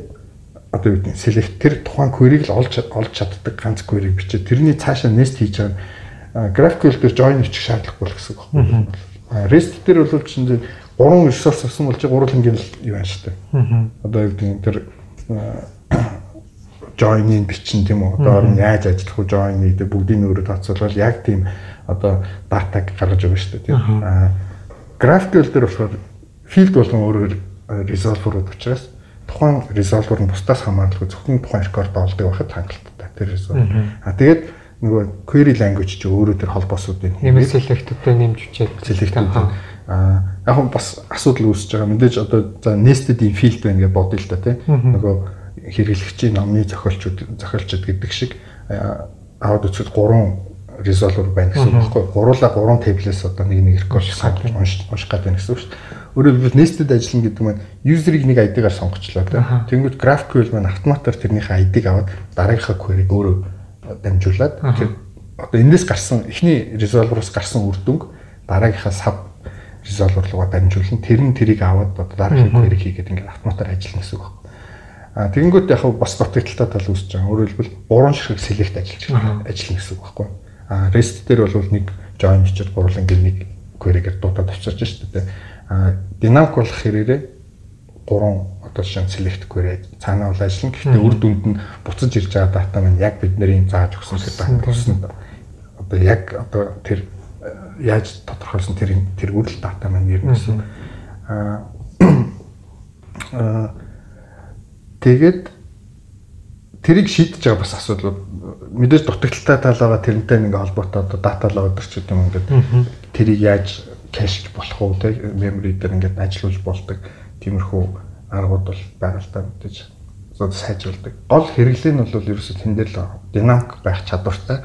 Харин сая одоо нэг сая 4 сая 30 сая 5 сарын нэгэнд чинь F8 болж шүү дээ. Facebook F8 гэдэг конференц тэгээд тэн дээр шинэ Facebook-ыг танилцуулаад тэгээд тэр нь болохоор бүтэн React relay ашиглаад GraphQL ашиглаж ингээд тэгээд тэр нэг тэр видеог нь үзсэн л дээ. Тэгээд тэр видеог нь үзэх нэг юу нь болохоор оргил чи явахгүй нэг дээр нэг хүмүүс нэг GraphQL асуудаг байгаа чи видеог бодсаар ирсэн чи амар ойстой нэрээ яа түрүү гэхлээр за энэ багч байгаа бас сайн юм байж таарах шиг гэж бодоод харж үзсэн. Тэгээд сайн нэг Facebook-ийг үзсэн чинь тийм нэг яриад байсан шиг юм яриад хэлдэг. Нэрээ өөрөө байшин тэр нэг кэшинг машин гэж зөксүүлж. Тийм зөксүүлж.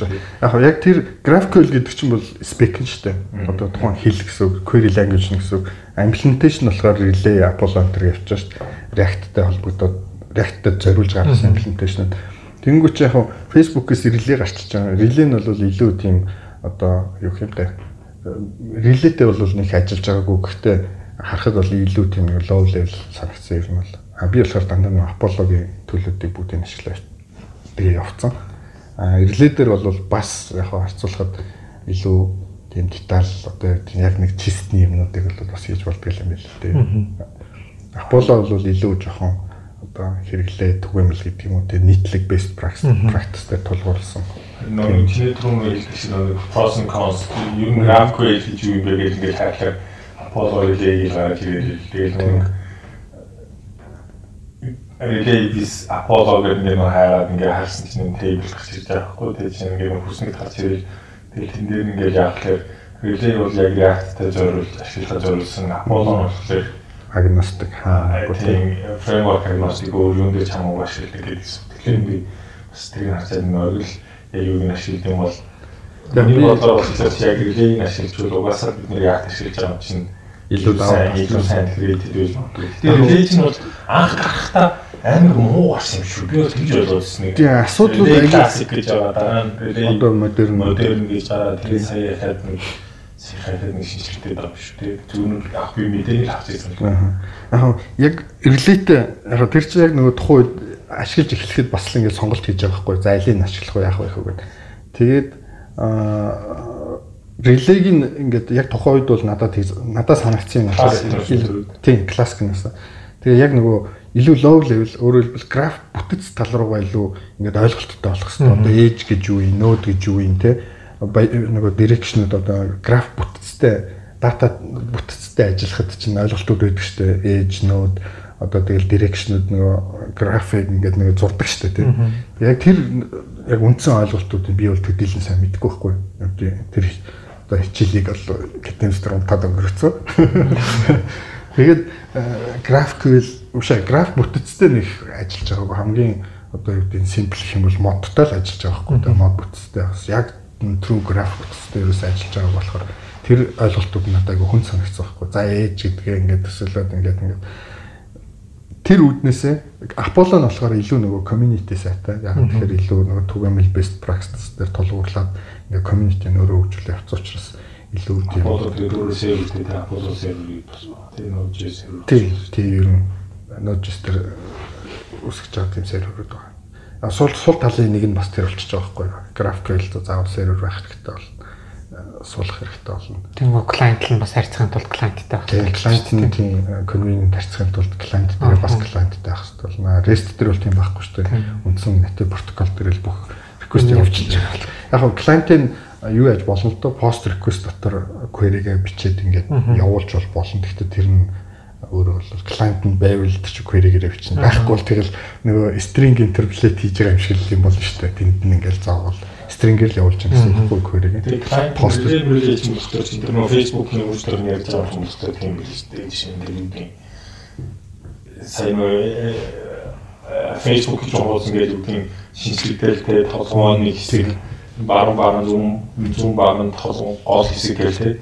Тэрэнгүүт нөхдүүд яг үгээр илээ дээр ингээд тохируулж чонгуудаа хүсэлтүүдээ яг үгээр юм зэрэг өгöd байгаа юм шүү байхгүй тэгээ чухлын зэрэг. Тэрэнгүүтээ толгой дээр гарч ирэх юмудаа дөрвөлж дуудаа дараа нь зүүн баруун нэгээ дуудаа дараа нь баруун баруун нэгээ дуудаа дараа нь тэгэл нэг нэг сторинууд орж ирж ирлээ шүү дээ. Тэрэнгүүтээ news feed хамгийн чухал энэ зэрэг багтаа учраас жоохон дараа нь дуудаад ч юм уу гэх мэт хөргөө ичдэг. Тэрэнгүүд нь тэрнийх нь давуу ингээд татаад авчдаг юм факт нэрээстөө янзын янзын хэд багш юм байна гэж бодож байгаа. Яг тийм нөгөө тэнгүүдээ бас нэг өөр нэг яриад байгаа юм болохоор ингээд story-ны news feed дээр ингээд нэг ингээд юу гэдэг news feed-ийг уурсаа шүү дээ. Тэгээд тэрнгүүр оронгууд чинь relay-ийн өөрөө одоо юу гэдэг ямар мэдээлэл байгаагаа өөрөө мэдж байгаа учраас юуны татах өөрөө мэдээ. Тэгээд зөвхөн шаардлагатай нэг мэдээлэл татаад авсан гэдэг юм уу оф гэж хэлэхгүй. Тэнгүүд нь ямар супер ингээд ингээд бодож. Хажуудлын хоёр юм бол үлдчих юм байна шүү дээ тий. Аа яг юун дээр бол нөгөө GraphQL дээр бол наач бол яг нэг давуу тал нь болчихж байгаа юм. Нэгэнт resolver гэдэг field болгон тэгээ request хийж байгаа field болгон тусдаа ажиллах чадвартай юм болвол гэл бодоод үзэхэд байна шүү дээ тий.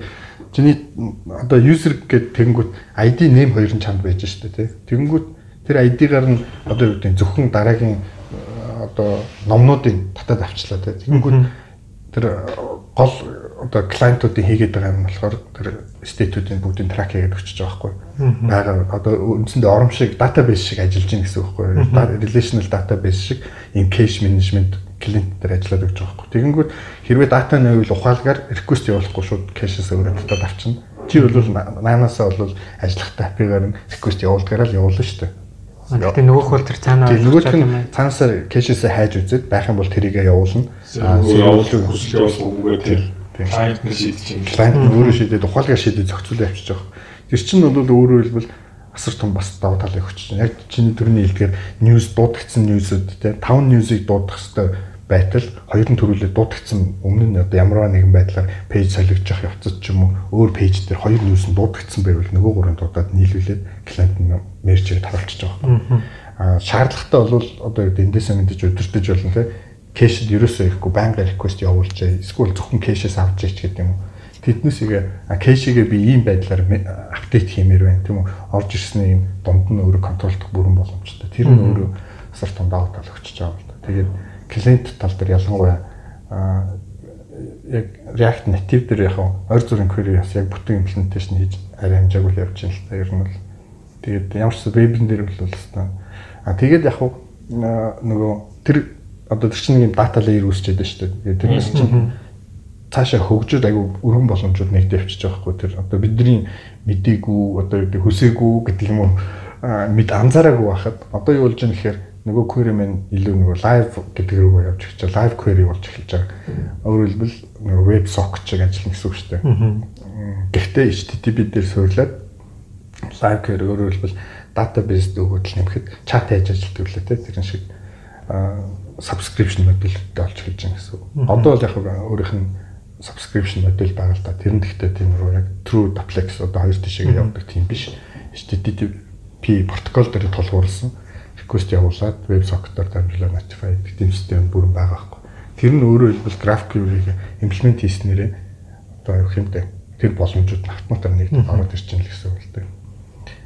Тэгээд аа мэдээ сул талаасаа гэх юм бол нөгөө DOS attack тийм юу гэдэг нэгэнт тэр нөгөө string гэд nest хийж string-ээр query-гээ явуулж байгаа тийм post request. Тэгэхээр чин тэр хэр урт ямар query байгааг анализ хийх боломж байхгүй байхгүй.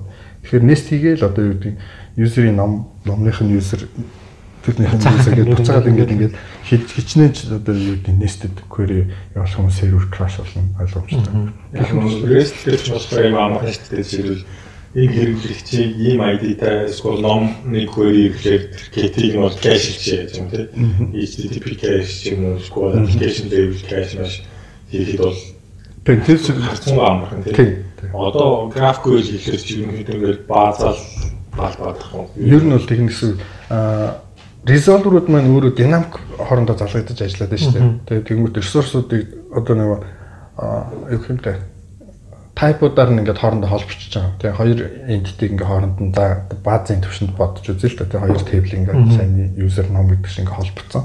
Хоёулынх нь resolver-ийн тусад нь биччихлээ. А би query-гээ user-ийн ном гэж явуулахад энэ хоёр resolver маань өөрөө ингээд хооронд ажиллах чадвартай болчихж байгаа юм. Тэгээд ирэхээр би хичнээн ч удаа nest хийх боломжийг тэр динамик чанар нь өөрөө бий болгож өгч байгаа гэсэн үг байна.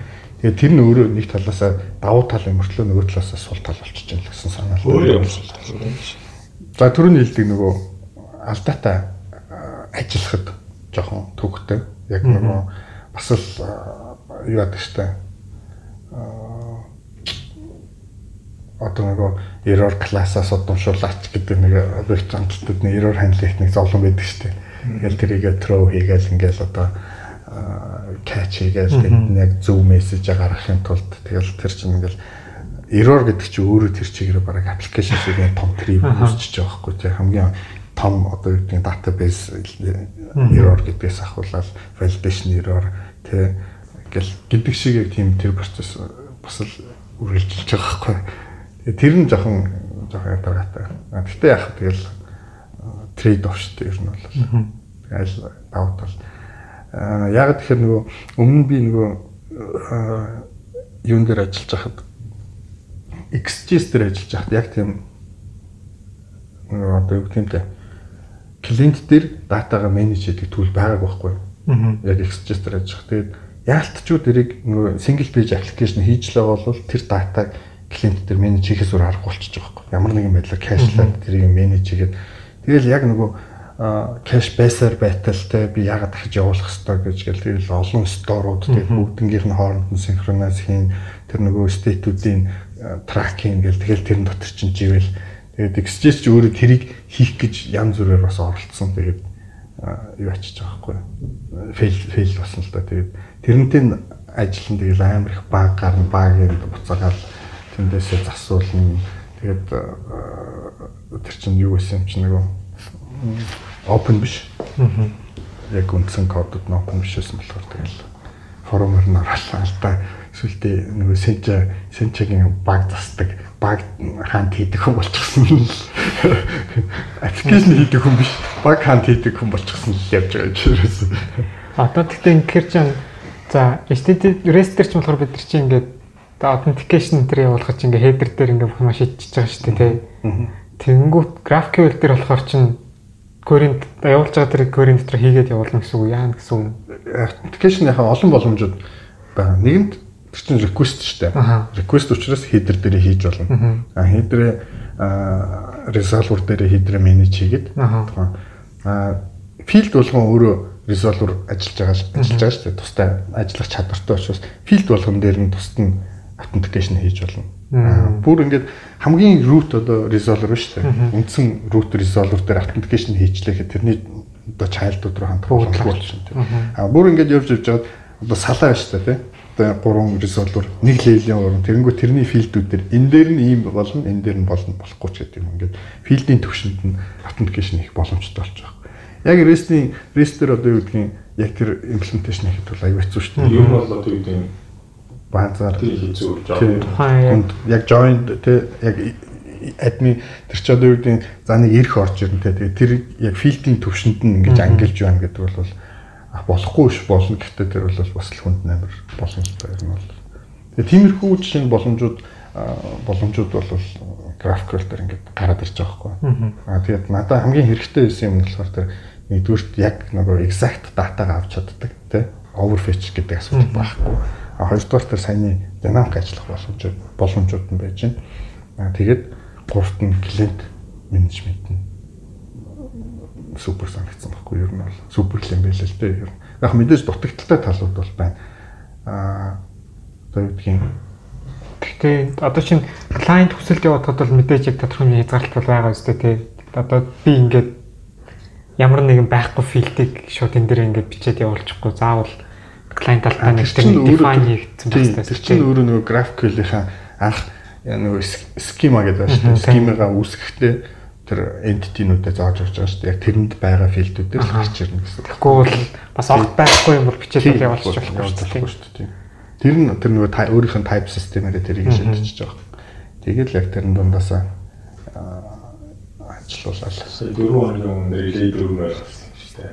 Сайн Харин сайжирсан баха ер нь бол. Relay бол тэгсэн л байсан нөгөө яг нөгөө Facebook зориулсан болохоор энгийн юм дэжтэй жоохон нөгөө плотод байж магадгүй л гэсэн байсан. Плотод байж магадгүй л гэсэн байсан.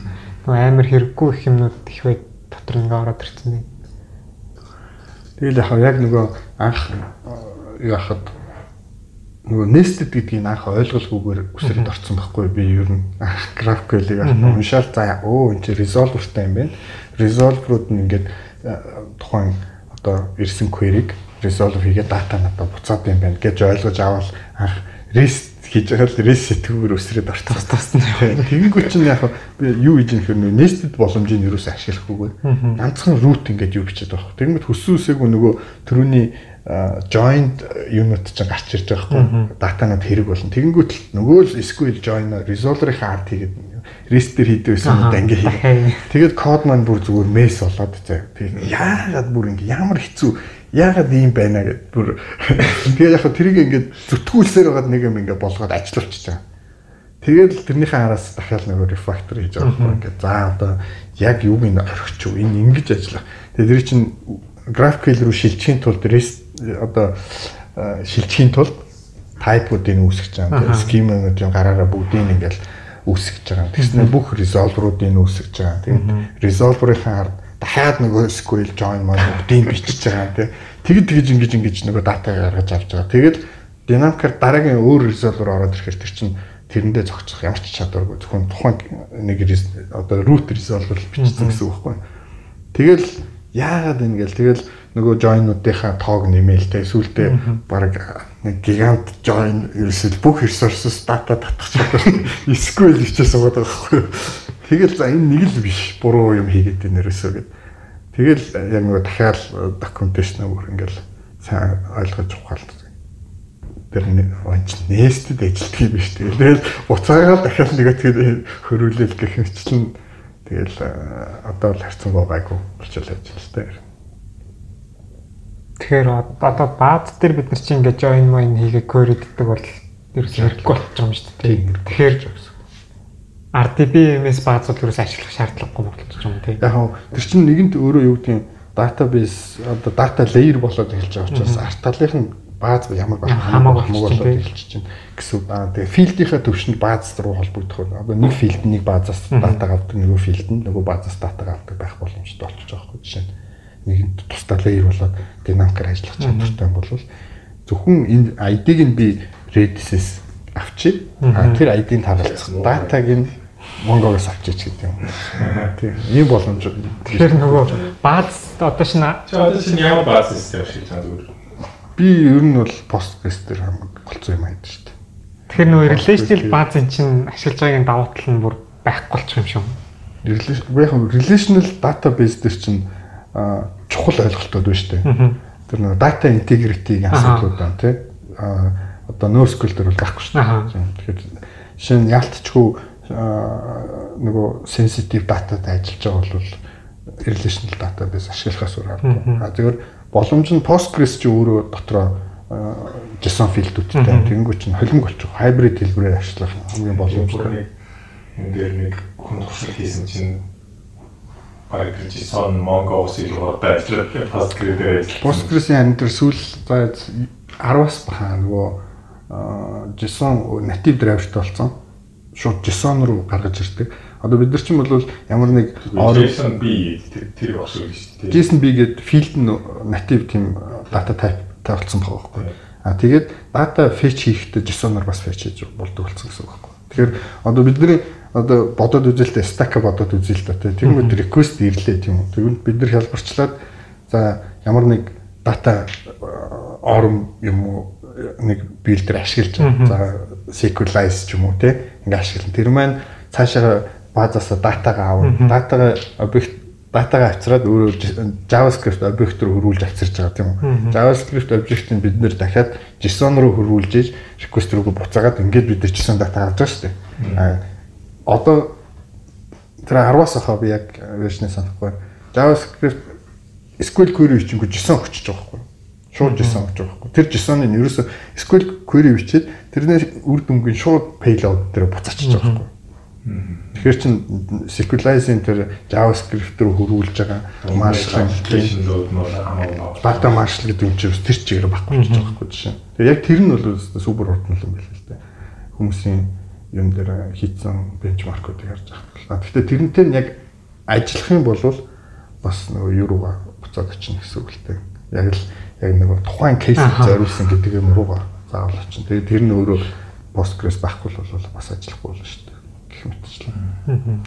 За одоо GraphQL гэж сонирхож байгаа хүмүүс үл яг за яг ингэж эхлэлээрээ гээд яг ганцхан шиг зөвлөгөө өгөхлөөр одоо түрүүнийх нь яриад байгаа чинь нөө nested гэдэг юм ийм сайн Тийм nested гол ойлгох юм нь тэр давуу тал нь ерөөсөө тэндэл байгаа.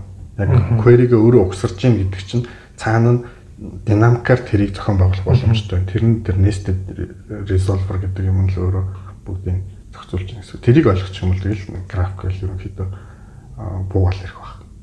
Тийм. Бусдаар бол нөгөө үндсэн ойлголтууд бүгд here байгаа шүү дээ. Request post-оор яваа буцаагаад request явуулна. А header дээр юу явуулж болох уу болохгүй тий. А а тэгээд тэрийг юу гэдгийг GraphQL серверээ бүр Node.js-ийнхаа одоо Express серверийн мэдлэр болгоод тавьчих болно шүү дээ. Гэх юм бол үндсэн одоо аппликейшнуудаа бүгдийг Node.js-ийнхаа мэдлэр дээр шийдчихэд цаашаа очиж байгаа юу бол GraphQL-ээр хийдэг ч юм уу. Тэр бол ингээд динамик ямар ч байдлаар зохион байгуулж болно гэсэн. GraphQL А зүгээр яг бас надад бол тэгж санагдсан. Одоо чинь юунд ашиглах вэ? Чинь public API хийхэд жоохон тохиромжгүй санагдсан байхгүй надад. Яг ми нөгөө хийж үзег болохоор тийг санагдчих магадгүй. Одоо GitHub энэ чинь бол GraphQL public API-тай болсон шүү дээ. Тийм Explorer тийм тийм. Одоо бүр тийм юу хайгаад үзвэл гарч ирнэ. Өөрсдийн public GraphQL API-тай болсон байхгүй. Spotify харин бас яг тийм баг шүү гэсэн. Тийм.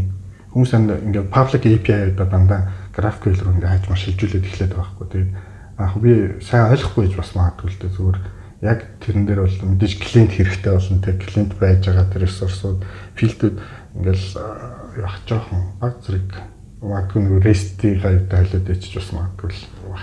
Надад бол жоохон тохиромжгүй санагдсан юм бол гэтээ тэгээ ашиглаад тахад тохиромжтой болохыг бол үгүйсэхгүй.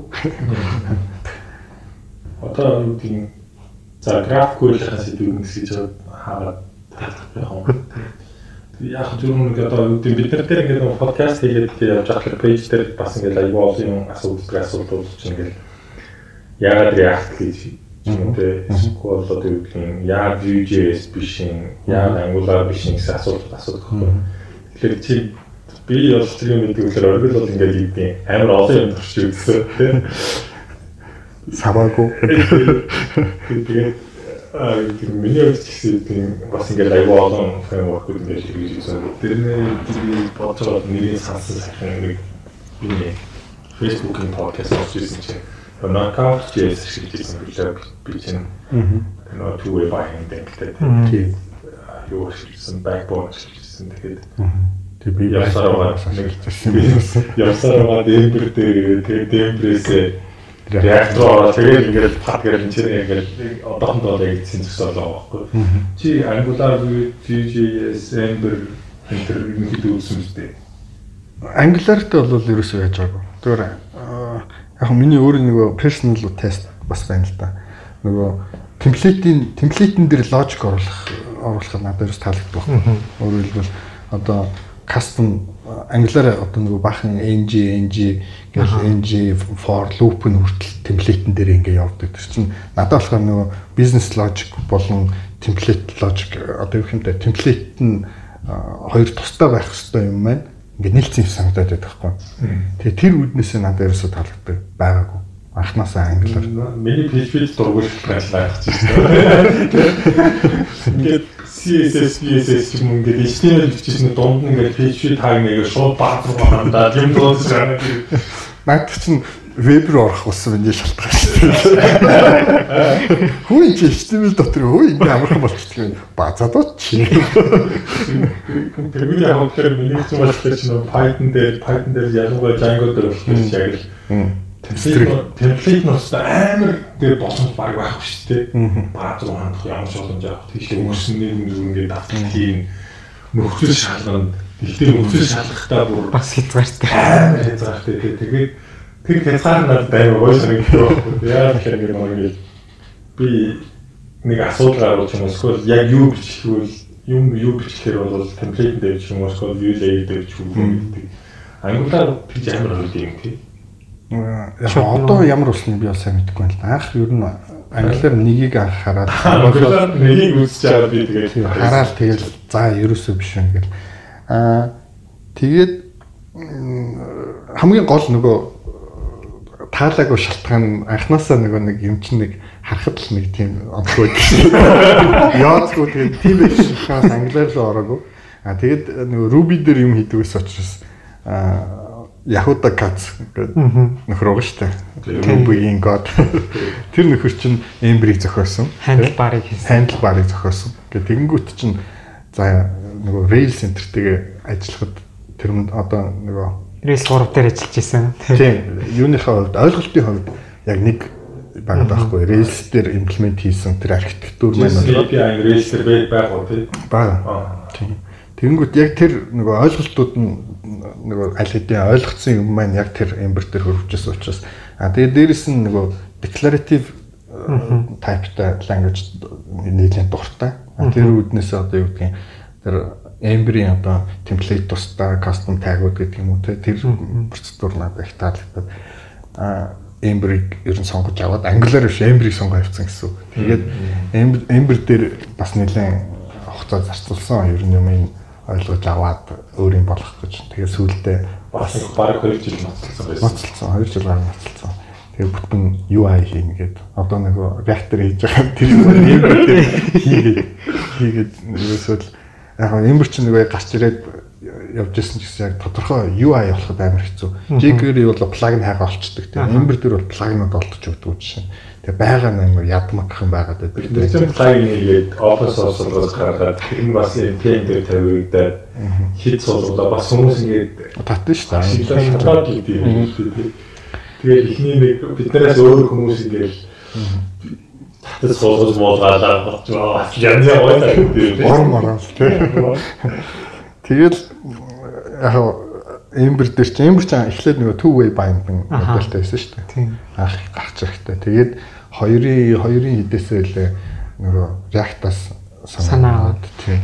React-ийн нөгөө Flux гэдэг паттерн танилцуулагдаад. Тэгээд way binding хэвээр байж гэсэн юм дээ. Тэгээд юуны яг нэг юуны бидний юус чах чинь тэгэл хоёр л дата юм хийдэг. акшн гэдэг юм юм ашиглуулах зүгээр шүү гэдэг юм болохоос two way binding байгаад Байсан байсан байсан. Тэгээд яг тэр нөгөө а, хилнийхээ одоо имплемент хийсэн онцлогоос шалтгаалаа заавал нөгөө хуучин хоёр хоёр намайг ашиглаж авах үед тийм байсан нөгөө заавал get set гэж датагаа set хийдэг accessor мотитор функцүүдээр дамжуулж тэр нь айгүй ядаргаатай байсан байхгүй яг Ember дээр ажиллахад. Тэгээд онгоолгол харангуй зүгээр дүүрэн гитсэт ерөөс.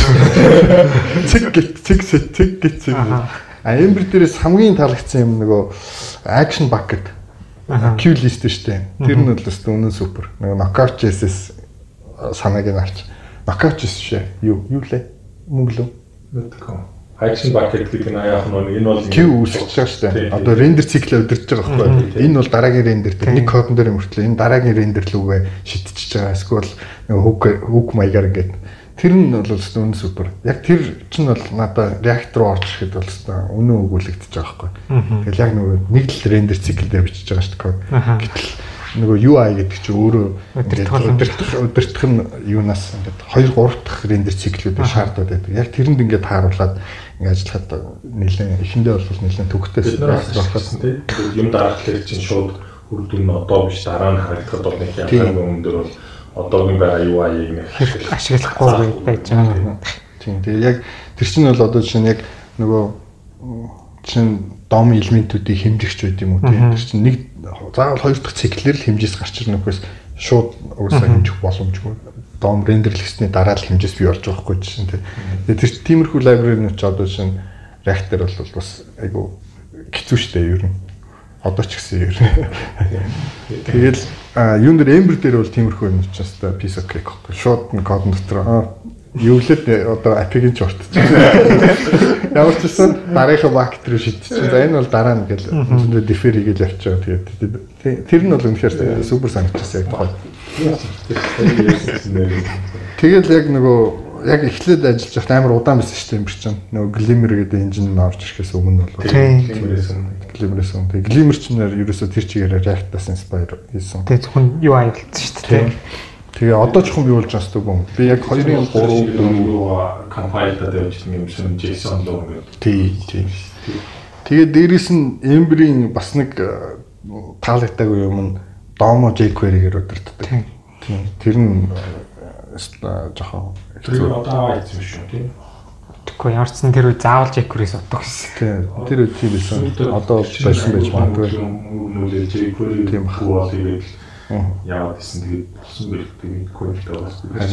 Одоо реактор орцсон чинь. Тэгээд хоёр жилийн реактор ороод тэгээд Эмбрис салаад хайцсан чинь. 2-ын 9 эсвэл 2-ын 10-аас хайсан шүү дээ. Би бол нэг 2-ын 6 мурга авцсан байсан баг. 26 дээр климер байх. 2-ын 3-аас орсон. Глимер 2-ын 3-аас орсон. Би глимер оруулаад яг глимер дээр нэлээд яваад. Тэгээд нөгөө юуны эмбри өшөө нөгөө лайф цикл одоо компонент хоорондын лайф цикл нь минийхээр бол буруу ажиллаад байдаг байхгүй. А реактих бол зөв ажилладаг.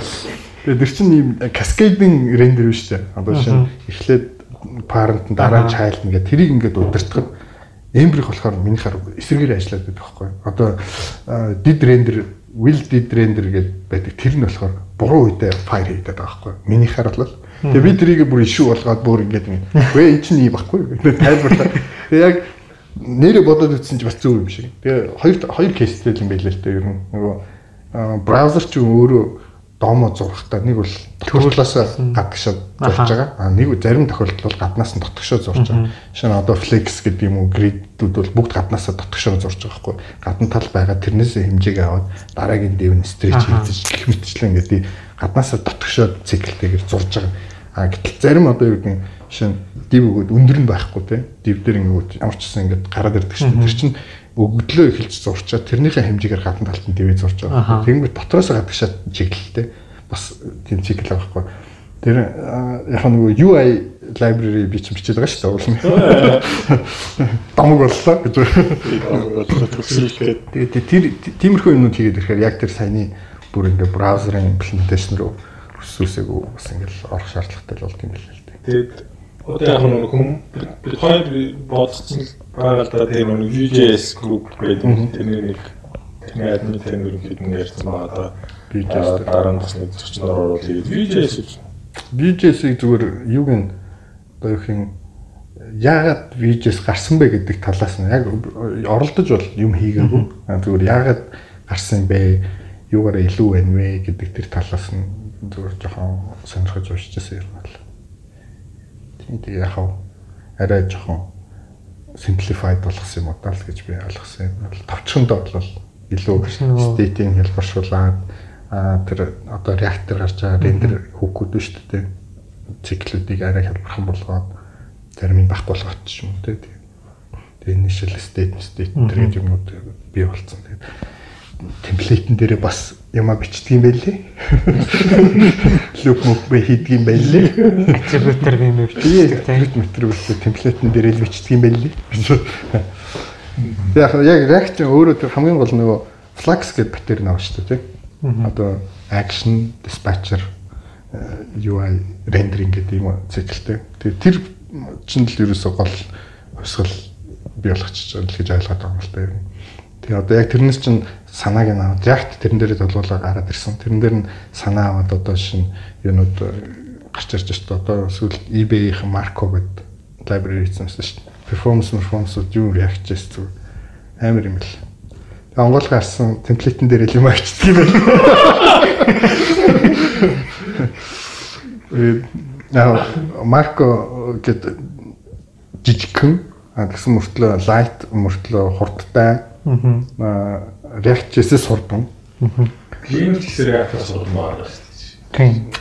Рендеринг. Рендер талаа бол хамаагүй урмаа. Тэр чинь нэг яриад айгүй олон шалтгаан бол тэр чинь үгүй. Яг темплейт яг ингээд нэг юм compile нэг юм нэг юм bytecode bytecode bytecode болгож шүү дээ. Тэгээд тэрийг ингээд шууд пакет авчихлаа. Тэгээд React дээр чинь бол тэр чинь JavaScript хичээд тэгээд JavaScript мөртнөр нэг evaluate тэгээд JavaScript engineer ороод тэгээд defeated ажиллаж хийж юм харагдаад байна шүү дээ. Чинь нөгөөдөл нь болохоор Зориулсан темплейт. Харагдгийг авчиж нэг юм.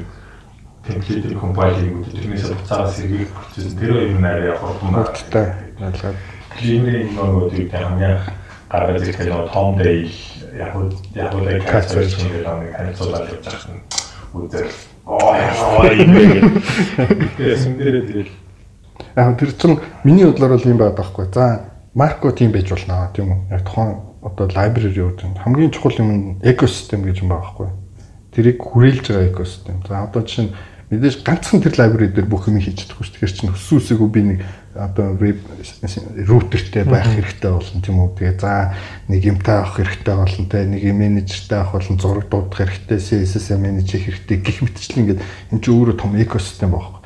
Энэ экосистем байхгүй тохиолдолд бол тэр хичнээн одоо юу гэдгийг супер яг мэдээж хөгжин л дөө хөгжин. Тэгэхээр одоо React-ийн экосистем дээр Marco-гийн экосистем ойролцоо очисон тохиолдолд Марко одоо хэрэглэх үгүй юу гэдэг шийдэл дээр очино гэхээс биш би миний хувьд бол юу гэдэг нь оо энэ супер перформанстай юм байна. Тэгэхээр Марко дээр юм хий гэдэг ойлголт хийжээч миний хувьд бол яаж төрөхгүй. Тэр нь яг хав тэр голон дээр нөгөө экосистем байгаа байхгүй developer friendly байдал тий community хэр байна. Надад бол тэр нь илүү чухал. Тэгэхээр юу гэдэг нь яг үнэндээ тэр перформансын хэмжээс гэдэг бол миллисекундээр л яригдж байгаа шүү дээ. Ер нь бол яг наа цаана яг мэддэггүй байх. Тэгэхээр би тийм девелопер одоо friendly байдлаа перформансын тийм одоо миллисекундээр трейд оф хийх үү гэдэг л асуулт байгаа. Ерөөс фреймворк ч гэсэн ерөөс ерөнхийдөө зүгээр яг миний одоо юу гэх юм өнөөдрийн хүртэл ойлгосон ганц юм бол ерөөсөө л нөгөө перформанс хөөх юм бол maintainability гэдэг юм алдна тий хэрвээ flexible maintainable team код руу явах юм бол performance алдна тэгэхээр энэ хоёрын балансыг ингээл олж авах хэрэгтэй юм байна гэдэг тийм ойлголт болчиход байгаа шүү дээ. Тийм үсэн Кевин хэлсэн тэгж хэлсэн л нэг юм стор болсон хэлтэй яг үнэхээр супер алгоритм байж болно. Тэгэхээр тэрийг нөө яг үгээр код нь хийцүү байвал бид нэр авахгүй тийм. Яа тэгэхээр ерөнхийдөө жоохон чүт муу байж болно. Гэхдээ ингээд хүн хараад ойлгож ойлгохоор алгоритм ойлгохоор код байвал тэр нэг цаашаа арчаад авч яваад одоо нэг жижиг хараа гэх юм илүү зүгээр. Тэр болохоор чинь хэдний олон юм бас яг нэг бодит кейс гарч ирэх нөхөр бас тэгж хэлсэн. Тэр сүүл бас нэг бас энэ Node.js чаад Node.js дээр хийж чадах юм гэсэн Node.js модуль бичихгүй. Тэгээд модуль бичих гэхснээ ямар асуудал байх юм бичлээ чинь тэгээ нэг юм яхан амар гол асуудал байна. Тэгээд security асуудал байна. Тэгэхээр шийдэхээр Rust үзэхгүй. Rust үзэхээр амар гоё байх гэдэг нөө аюу модноор тэгэхээр тэгээд үзэж үзэж байгаа Rust аюу гоё юм байлээ тийм. Амар олон юм нэг юм болгосон.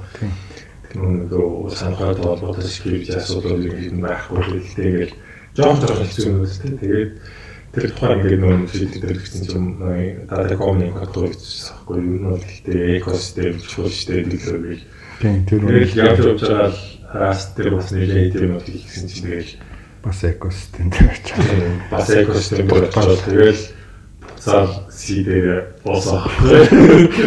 Тэжсэн л ерөөсөө л модуль бичих болиг гэдэг дээр явсан чинь.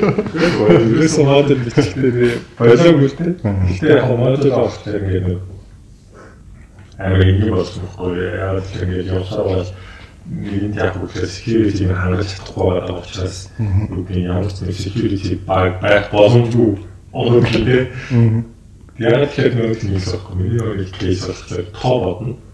Тоо бодохтой үгээр 16 битийн интижер байхгүй тийм тэнгуүтэй интижер нь ингээд явж явж орон дүүнгээр пактер буцаа ирдэг шүү дээ тэрнээр тооцоолсон тийм алгоритм имплемент хийхгүй. Тэгээд нь JavaScript дээр Node.js дээр бичлээ 64 милийн зэрэг байна шүү дээ. Node нь фи хийхгүй байхгүй. Тэгвэл тэрнээс болоод тооцоол гэдэг нэг нэг 10 удаа тооцоол хийх нэг 4 удаа ч 3 удаа Гэх юм гээд нэг random тоо generate хийгээл тэгээд нүүдийн заримдаа 16 битэн дүүрхээр байх тоо зэрэг нүүд дүүрхгүй болоо тий. Эсвэл заримдаа бол угаасаа жижиг тоо үүсэн нүүд нь флипихгүй байх. Тэгээд тэрнээс бол бахаад яг тэр үгээс жижиг модуль хийчихэл тэгээд хараа болгочих санаа. Болгосон болгосон болгосон болгосон юм. Тэгээд явж явж За Node.js бол ийм юм байна. Python нууд тэгээд Python нууд Python дээр бол би binary саадлаа юм аа хайрлуу. Тийм л дээ яг Python яг тэгэхээр энэ хэл хэлний чинь өөрийнх нь бас нэг ийм давуу тал. Python нам хай гэж шийдсэн л дээ. Шиг нам хай гэж хэлсэн яг юм 14. Тэгээд signed integer, unsigned integer тэрийг ингээд бүр аюу сайн нэрээ ингээд зааж өгч гэх. Тэгээд хийгээд тавьсан чинь аюу амарх. Тэгээд чинь юм арай марай ажиллах байхгүй. Арай юм элементүүдийн нийлбэрийг олох олох нь тэр янз бүрийн материал тогтох. Тэрийг хайгэр гэсэн чараа. Vue.js Яа яг тэр класс нь байгаа юм даа. Чинь яг тэр нэг юм ойлголт аваад байгаа шүү дээ. Жишээ нь тэгээд ойлголтыг нэг юм жоохон хайр тох ихэндээ сурахад тэр нэг суур ойлгож тэр веб хийж болж байна. Нэг аппликейшн хийж болж Тэр хамгийн дараа Microsoft Build гэдэг нэг юм бас юм конференц болох юм биш шүү дээ. Тэгэхээр яг нэг тоох гурван сэдв гурван ярих юм биш. Тэгээд яг нэг Windows гэдэг платформ бас нэг юм танилцуулсан маш тийм. Тийм сураг гараад исэн. Microsoft-оос React-ыг нөгөө native юмуд дээр имплемент хийж байгаа гэсэн тийм ойлголт төрөл яваад байгаа л та ер нь. Тэр талаар дүүл юм яригдвал юм байна тий. Тийм тэгээд нөгөө React Native Meetup дээр бас нөгөө Microsoft байлаа тэр нөгөө тэгээд нөгөө бас Microsoft-ийн юу юу хийх гэж амар олон юмнууд нь ингээд реактор шилжсэн. Тэгээд нөгөө extend хийх тул даун реактор сурах хэрэгтэй болсон. Тэгээд нөгөө реактор сураад тэгээд TypeScript зэрэг хийж авахгүй. Тэгээд Тараг метап дээр юм гэдэг яг TypeScript яаж ашиглах вэ? TypeScript дээр бол би ч бас TypeScript сүүлийн үед л одоо тэгэл нэг олоохоод байгаа л гэдэг шиг. Яг хэрэгтэй тал мэдээж байгаа л та чинь type system болчоор хамаагүй юу байгаа. Сул талууд бас байна. Зүгээр яг надад бол яг TypeScript өөрөө тийм нөгөө object oriented юунасаа гарч ирсэн болоод ч тэр юм уу. Тэр mind нь байгаад байгаа, стил байгаад байгаа байхгүй юу? Тэр нэг тэр Тэгээ би нөгөө flow-ing ч ашиглаж ирсэн TypeScript. Эхлээ би flow дээр бахан бичлээ. Тэгээ flow жоохон сул байна. Уул нь бол яг миний хүсэж байгаа юм нь нь flow байгаад байгаа байхгүй илүү type type надад бол зүгээр type check хийх нь сонирн байгаа болохоос яг тэр нэг одоо юу гэдгийг TSC compiler-аар ингээл бүтэн type-ууд compile-дах надад ямар шаардлага байхгүй байхгүй ер нь бол зөвхөн type check төрлөөр ашигламаар байгаад байдаг. Тэг яг одоо бол нөгөө Babel-аар дамжуулж байгаад ажил тэгж ажиллаж л байгаа л та TypeScript тийм бүгдийг аваачиж байгаа. Тэгээ Babel-аар хөрвүүлээл ингэ гаргаж Надад бол эдитер дээр тэр тайпууд нь л сонир байгаа байхгүй юу? Ер нь бол ямар эдитер хийж? Vim.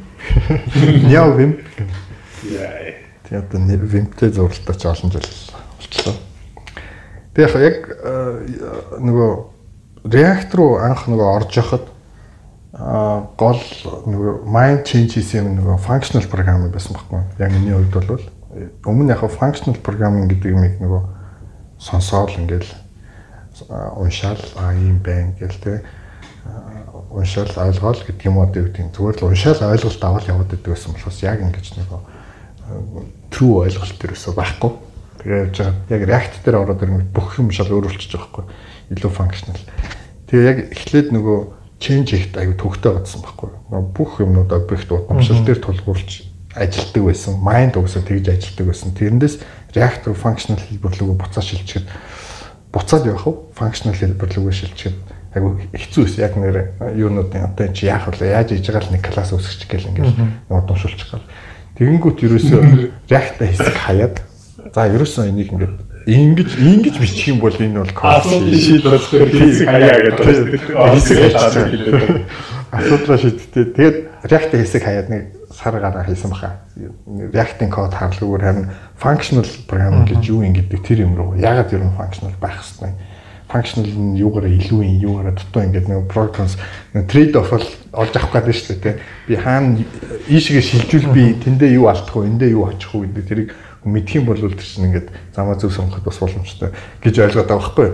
Тэгээ яг functional programming талаар нэлээд юмнууд уншаа. За тэгээ ойлголтууд нь шал өөрөө гомчтөр чинь удамшил гэж байсан бол queuing гэдэг ч юм уу тийм. Тэгээ яг тэр юунуудыг ойлгоод functional programming ойлгоод ирэнгүүт дахиад одоо юу гэсэн үндсэн нэг тийм одоо замаар бол дахиад нэг юм том өргөнчлөө дахиад нэгтчихэж байгаа байхгүй functional programтай холбоотой. За юм. Тэгэхээр өөрөөр хэлбэл хоёр ийм замаар нь явж үзэж штэ тий. Тэгэхээр чин нөгөө програмын өөрийнх нь архитектур ч гэдэг юм уу те solution хийхдээ хүртэл тэр чинь ингээд шал өөр өнцгөөс бас ингээд хардаг болчихж байгаа хгүй юу юм бол за энэ дээр юм байна энэ дээр бол юм байна гэдэг. Тэгээд functional programming хөөж яваад нөгөө Elm гэж хэлж байгаа дээ. Одоо яг энэ Flaxbit-ээр нь чинь гарч ирсэн Elm гэж хэл. Тэгээд Elm гэдэг тэр хэл дээр тулгуурлаа тэр Elm structure-аар Elm өөр яг хэлийн нь бол сонирхож байгаагүй гол нь тэр нөгөө Elm structure гэдэг веб аппликейшнийг ингэж зохион байгуулах хэрэгтэй юм гэдэг Elm дээр тэр Elm structure гэж гаргацсан байгаа шүү дээ. Тэгээ ерөөсөө React-ын үндсэн core л доо юм. Тэгээ тэрийг бахан судлаад за энэ чинь байх хэрэгтэй байна гэдэг. Тэгээ хамгийн таалагдсан юм нь бол тэр нөгөө одоо action dispatch render нэг direction, unidirection цикл гэдэг нь өөрөө ерөөсөө намайг шууд ингээл аваад ерөөсөө реактор живэлцсэн гэж болно л та.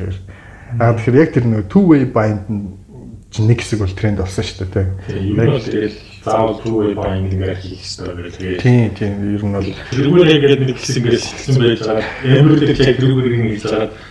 Тэгэл хийжсэн чинь нөхдүүдгүй юм бол энэ чинь ингээд бууран байна. Тэ юм бол ингээд data down action app гэдэг юм байх хэрэгтэй тэнгүүд нь. Тэрийг бас бид нар чинь үзээд ойлгоод хэрэгжүүлэх гэж бас нэг юм бас тийм Тэгээд хэрэгжүүлж аа фак энэ чинь гэсэн юм бэ гэж яг ойлгож байгаа.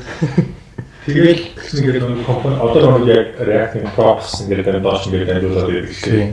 Тэгээд яг тэрийг ойлгож ойлгосон хадаа React руу шилжсэн чинь Тэгээ яг энэ нөгөө Facebook-ийн өөрсдөө ярьжсэн айхтар нөгөө мессенжерыг Facebook дээр мессенжер нэвтрүүлээд тэгээ нөгөө runtime үеийн багаа шийдэж чадаагүй. Аа. Тохойд бичсэн код нь тийм fragile одоо хэзээ л бол хэзээ ингээд тэгсэн мөртлөө ингээд зарим үед ингээд гоё ажиллаад байдаг. Зарим үед алдаа гараад байдаг. Код харахаар ямар ч алдаа болж чаддаг. Тэгээд тэр шалтгаанаас болоод тэр flux гэдэг паттернс чинь ирэл хийлж эхэлсэн байгаа хгүй юу? Ер нь бол Тэгээ яагаад юм fragile ингээ байгаад байна гэдэг. Тэнгүү тэр маань өөрөө явж явж философийн хувьд нөгөө объект oriented програмчлалынхаа одоо core ойлголттой шууд бас холбоотой болж таарч байгаа юм л да. Ер нь бол тэгээл тэгэнгүүт яг functional руу шилжээл. Тэгээ тэрний зовлон бол X-тер би бол өстой бахан зулгаач өөрөө мэддэг болохоор яагаад тэр нөгөө сервер дээр дата байна тийм а клиент дээр дата байна. Энэ хоёрыг чинь ингээд хооронд нь синхрониз менеж тэр бол зүгээр шүдний хүчин байсан байхгүй надаа. Тэгээд тэрнээс болоод ерөөсөө энэ state tracking гэдэг бол ерөөсөө л аимшиг гэдэг ойлголттой хөрнө. Тэгэл яг юун дээр гараад яг тэр нөгөө танилцуулж байгаа тэрийг ойлгоод танилцуулаад яг тэр unidirection cycle action dispatch рендер заast ингэж явах хэрэгтэй байна. Тэгэл тэрийг ойлгоод тэгээд тэргүүрээ хэсэг юм хийсэн чинь болдгоо. Гэтэ нөгөө бүлгийн юунуудыг пост дээр бас бичсэн байл. Яагаад нөгөө state-ээ соличод байхад яагаад UI апдейт хийхдэггүй байна. UI заримдаа апдейт хийгдээ заримдаа хийхдэггүй юм ч гэдэг юм. Тиймэрхүү юм бас бичсэн байх шиг лөө. Тэр надад ч гэсэн бас тийм тохиолж байхгүй. UI дээр ингээд яалчгүй state set хийчихэд байдаг. Гэтэл UI апдейт хийгддэг. Тэгээд тэр маань явж явж ерөөсөө нөгөө юутай immutable чанартай холбоотой.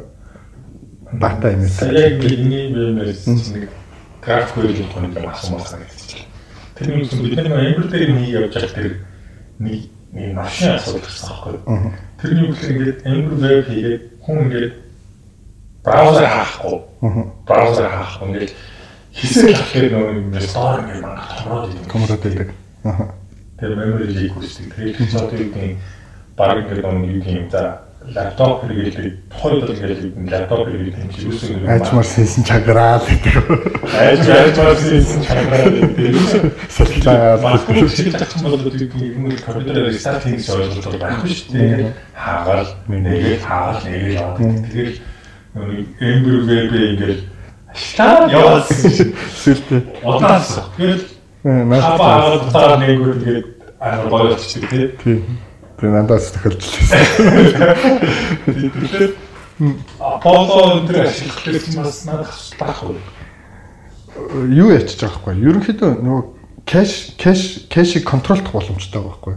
Аа, Ember-ийн хувьд бол тэр чинь өөрсдийн меморийг яаж одоо юу гэдгийг тэр чинь интернал асуудал нэг байхгүй. Тэрнтэй ажиллах ямар нэгэн API байхгүй юус. Аа, юуны хувьд Корд лунд орохоос өөр аргагүй. Дээр шинэ юм имплемент хийхээс өөр Өөрөөр тэрийг шийдэх ямар нэгэн апи бол байхгүй шүү. байгаа. Тэгээд тэгээд бид нар чинь амир дээр үнэхээр бахаа байлаа. Тэр тэр тэр нэр ашиг болсон. Тэнгүүтээ амир дата огт ашиглаж байгаа. Аа.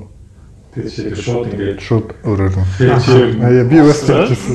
Дата дээр датаг датаг эхлээд мэдээж зөгцөж байгаа юм чинь дата ингээд датагаар дээр датануудаа ингээд овоолоод явж байгаад Тэнгүү чин дата нь өөрөө нэг одоо яхаа хөгжлийн процессын дутуу гэх юм уу. Хөгжлийн бэрхшээлтэй байхгүй. Тэнгүү чин яалтчгүй нөгөө дата нь ингээл нөгөө реквестүүд нь ингээл Аваараа амар зарим нэг юм зүгээр данс реквест явж исэн юм чин дараа нь буцаа ороод ирэхэд там даваа юм явуулж мовлаа тэгэл тэднээс чи араас хөцөлтгөр бүр ингээл амьдралаа. Энэ ингэж байгаа байхгүй юу ерөөсөө. Тэгэнгүүт энэ мүү лэйрээр ер нь яадаг юм. Ер нь ингэвт шууд нөгөө клиентээ барьж аваад реквест хийдэл датаг аваад. Тэгээ амар датаг хаяад багсаж иддэг бол. Тийм яг тэгжсэн яг. асуудал болох тэр юм асуудал байхгүй юм. Тэгээд ерөнхийдөө тэрийг туруулаад менеж хийдэг. Яг байхгүй байх гэж бодож байна. Яг тэгэхээр ийм байхгүй. Одоо чинь би бол Apollo ингээд имплемент хийгээд дандаа имплемент хийж яваад байгаа юм байхгүй. Аа одоогор бол тийм мэдгдсэн юм ноцтой юм гараагүй надад. А мэдээж юм гарах юм бол тэр чинь буцаад нөгөө реверс руу орж эхлэн штэ. Юм асуудал гарах юм бол нөгөө Apollo-г чи ухаж эхлэнэ. Энэ юу нь яхаараа, энэ юу юу нь гэж эхлэн. Тэгэл нөгөө div төлөө онгоолгоол debug хийж эхлэн штэ ер нь. Тэгэхээр чин одоохондоо бол тийм гараагүй байгаа учраас би хайцсангуу гайг байх гэж байна. Тэгээ хийж үл мэдэхгүй штэ. Гэхдээ дотроо бараг редакс ашиглаж байгаа юм шиг л шүү дээ. Яг надад таалагдахгүй байгаа юм тэр бас хөгжлийнх нь нэг одоо road map нь тэр тал руу жоохон таалагдахгүй байгаа. Яг тэгэхээр нөгөө аль хэдийн байгаа дефакто болцсон юм биш үү? Redux байж ин тэ. Тэгэнгүүт тэрийг ингээд хуучин Redux дээр кэшэ хийдэг байсан байхгүй юу? Apollo Redux дээр. Тэгэнгүүт өөрсдийнхөө dependency-г багасгахын тулд Redux авчаад Redux шиг тийм юм одоо шинэ өөр дээр хийчихэж байгаа байхгүй юу? А тэгэнгүүт тэгээ шилха болж байгаа юм шүү дээ. Тийм Redux-ыг одоо л ашиглаа 2.0-аас эхлээ ашиглахаа болцсон. Тэгэнгүүт Redux-ыг ашиглахгүй өөрсдөө кэш менежментийг хийдэг болцсон. Яг тэр нь бол аа яг тийм ноцтой баг гэдэг юм одоо юу гэдгийг тийм харах нь тулгараагүй л байна л да. Боломжийн ажиллахад бол нэг асуудал бол тахгүй л байна. Зүгээр имплемент хийхэд бол. А гэхдээ Redux-ыг Redux-ыг дамжиж ашиглаж болох юм. болно. Болно. Мэдээж Redux чинь бол тусдаа UI Аа, state шалгах container учраас тусд нь угаасаа ашиглаа явчихж байгаа байхгүй.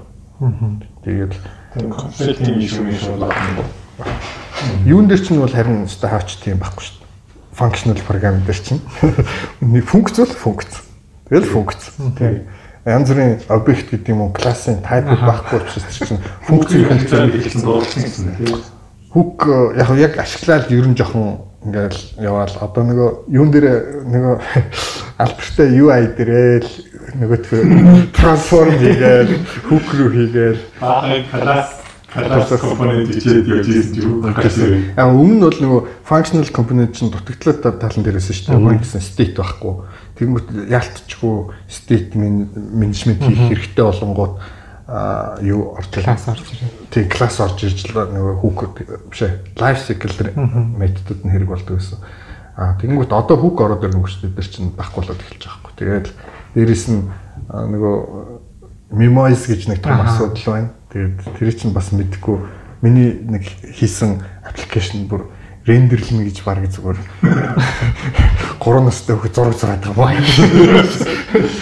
Тэгээд яг тэр чинь нөгөө үзэл ангуут тэгэл явж явж нөгөө immutable шин чанар дээр очиж байгаа. Тэгэл нэг хоол чинь бидний нэг нэг нөхөр чинь юм зургийг үлдгээр хийдэг бичсэн гэдэг шиг. Тэр чинь зургийн хэмжээг хийхгүй гэсэнгүүд нь ингээд нөө ирдэг хугацаа ихсэл тэгээд дуу зургийн дундаа идэрдэг. Тэгээд тэр нөө матер цаа ингээд энэ зийг ингээд зөөгөө ингээд зөөгөө амар тоо ажилласан. Тэгээд манай үлдээд нэлээд хугацааны дараа аа нэр Visual Studio тэр нь тийм функц мэд юм шиг хамаагүй урдан ажиллаж юм шиг. гинт айлгадаг шиг. Тэг яг янз бүрийн хүмүүсийн нөгөө approach хийдэг а- аргуудын л нэг баг л та. Яг нь би яг нь хүүхэл аяга амархан мөчлөж байгаа. Гэхдээ яг нэг хэцүү юм шиг санагдаад байгаа юм ч юм уу. Би ч нэг хожим класс таалаа тэгээд энэ дотор state дотор 5 6 юм болдог юм бол одоо чинь баг нэг юм болгоно гэж чинь чинь хүүх юм. Тийм тэр болгоныхоо доогоор ер нь л юу сте. төгсгөлөөр явчихж байгаа л та. Гэхдээ одоо чи нөгөө нэг нэмэлт гаргаад ирсэн боломжтой гэж байгаа шүү дээ. Өөрөө кастом хөөх гэж болно. Тийм. Тэгэхээр чин дээр бас асуудлыг бол бүр хэлбэр шийдэх боломжтой болчих. Аа тэгээд яг би бол хүүг гаргаж ирж байгаа тэр шалтгаан бол цаашаа нөгөө async render байгаа шүү дээ. React ч одоо async render руу явж байгаа шүү дээ. Тэгээд тэрэнд зориулаад яг тэгвэл классын тэр life cycle дээр чинь яг async async хэлбэрээр ажиллах аягүй төвхтэй байхгүй ер нь бол Тэгээ тэр шатлуудыг давахын тулд сая 16 дээрс нөгөө will гэдэг баахан will аваа хийцэн гэдэг. Тэгээд яг тэр лүү ингээд шат шатаар орж байгаа юм байна. Асинкрул яваад ингээд одоо хүүг ороод ирэн тэгвэл энэний дараа нас бас нөгөө хүүг орж ирсэн өмнө нэг шалтгаан болохоор нэг тийм байсан л да. React-ийг болохоор тэгэхээр зөвхөн UI зориулаад хийсэн. Тэгээд явж ирсэн чинь хүмүүс нөгөө UI чинь өөрөө бизнес логиктойгоо яг л холбоотой болгонгууд нэг UI-аас гадна бизнес логикоор дотор бичмүүд нөх ингээд сүйд хөндлөө заавараад ангууд нь одоо болохоор нөхдөд за юу гэдэг компонент нь болохоор зөвхөн UI буюу хэрэглэгчийн интерфейс хангай тэр хүүг нь болохоор яг бизнес логикоор хангай тэрнүүтэй энэ хүүгээ юу гэдэг 2 3 хэдэн ч компонент дээр ингээд дахин дахин ашиглаад илүү амархан болоод байна Харин тийм байлаа яг юм уу. Portable тэр хүүгийн portable чанар нь өөрөө айгуу супер байхгүй. Компонентос үл хамааран ерөөсөө ханж ингээд ашиглах боломжтой. А юуны хувьд ч классд ч хувьд тийм боломж байхгүй шүү дээ. Тухайн класс класс гिचэнгүүтэл тэр чинь класс чи бүх юмыг базаал ингээл өөрөө болгоо авчих байхгүй ерөөсөө. Айгуу хэцүү. Юм тийм. Одоо юу гэдэг штэ. Нөгөө объект хандлт дээр чинь нөгөө банан горил жангл проблем гэж шүү дээ. Банан авах гэсэн чинь дагаад горил орж ирээд араас нь жангл ороод ирдэг гэдэг шүү. Тийм проблем яг зэндтэй ажиллаж байхдаа л яг тийм проблем гардаг гэсэн байхгүй. Яг нэг капчагийн зэндийн капчад чинь айгүй олон модулууд байгаа шүү. Капчагийг авах гал ингэнгүү чинь хаа байсан формын элементийн түүд ингээл орж ирээл. Бүүн класс ингээл өөрөлдөл тэр нөгөө кавча хідэн левелийн доор удамжсан байна. Тэгэл дээшгээ бүх base class хүртэл бүгд тэр чигээр орж ирж байгаа баг. Оруулж ирэхгүй л бол ажиллахгүй. Тэгээ ганц кавча ашиглах гэсэн чинь баг бицэн кодноос их код хуулаад байгаа шүү ерөөс оруулж ирэл. Тэр объект хандлтын бас нэг сул тал нь ялч үт юм болж байгаа. Functional дээр бол тийм байхгүй шүү дээ. Бүгд data тусдаа, behavior тусдаа тэр хоёрыг чинь салгаач байгаа объект гэдэг нь хоёулангийн нийлүүлээд тэр авчихгүй. Надад ч болохоор Android дээр нөхцөл бол багцын тусламжтайгаар шийдсэн байгаа л та. Тэр нэг нэг програм тэгээд тийм тийм төлөв. Тэр чинь зүйл Android Studio 3-ын дөрөв дээр R8 тэгээд R8 гэдэг нэг тэр бол тэр ч одоо ингээд Өмнө нь болохоор нэг яг тиймэр шиг байхгүй тэгээд зангал ганц ганцын класс дуудах гэдэг нөөд ингээд амар олон удамшсан чинь болохоор бүгдийг юм юу гэдэг нэг мега jar файл гэдэг тэгээд ганцыг ашиглах. Тэгээд амар хэцүү. Тэнгүүд одоо яг нөгөө R гэж юм програм юм уу ганц мэд яг ашигласан метод энэ класс доос наадлээ бус классын бүгдийг зөвлөө хийж байгаа. Тэгээд аппликейшн чад хийж байгаа. Юм юм. Тэр юм ингээд Одоо tri shake маягийн юм биш үү? Webpack-ing. Тэгээ webpack-ing tri shake маягийн. Одоо ер нь бол тэр нэг Node.js гэдэг болсоо хаарах байх шүү дээ. Яа, энэ ганц Тэгэл ахаа.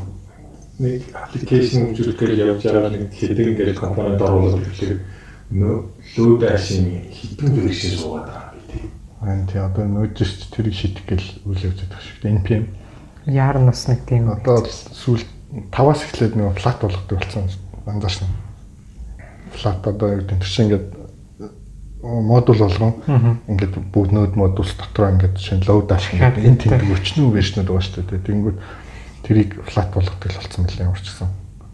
Тэгээд ганцхан яг ингээд үүдийн load dash яг нэг хөлбөрөг болно гэж суулгаад шүү.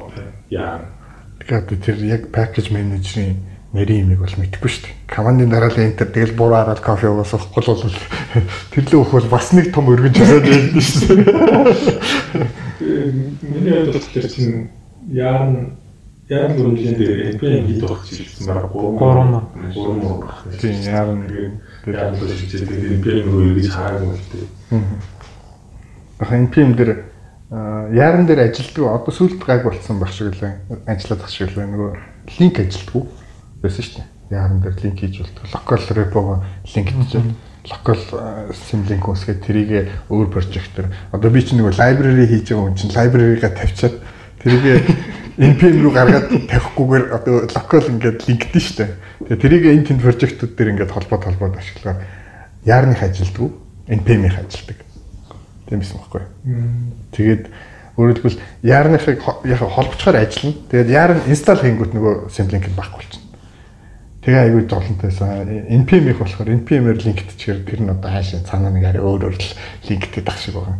Тэгээд инсталл хийсэн чинь тэр нэгээд үлддэг. Тэгээ npm-ийг жоохон мэдээд байхгүй. Зайлшгүй ашиглах хэрэгтэй болов.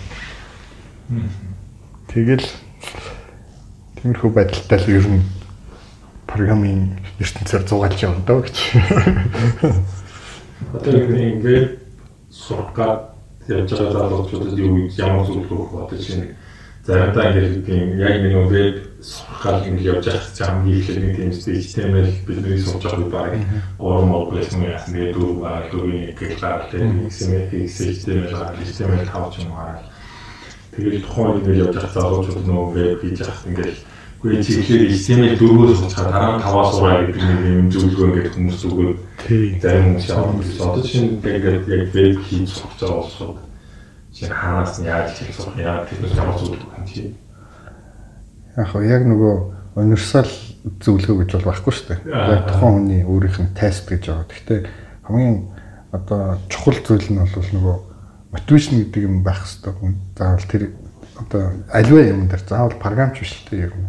Юмыг сурна гэдэг чинь өөрөө тийм идэвхтэй үйл ажиллагааны үндсэн дээр л юмыг сурж авч байгаа шүү дээ. Тэгэхээр эхний ээлжинд бол ямар ч гэсэн тэр дуртай байх хэрэгтэй тэр хийж байгаа юм да. Веб хийн үү, одоо жижигхэн компонент хийн үү, эсвэл зүгээр playground-ыг тоглож туршиж үзсэн үү тэр юм чинь өөрөө чамд ямар нэгэн хэмжээгээр тэр одоо кайф авах гэж ярьдаг шүү дээ. Happiness гэдэг юм өгдөг байх хэрэгтэй. Нэгдүгээр. Тэгээд Хоёрдугаарт бол мэдээж цаг заах хэрэгтэй бах. Ер нь бол оролдож үзэх хэрэгтэй. Ер нь яг нэг юм юу байт юм л л та хүн юм сурдаг.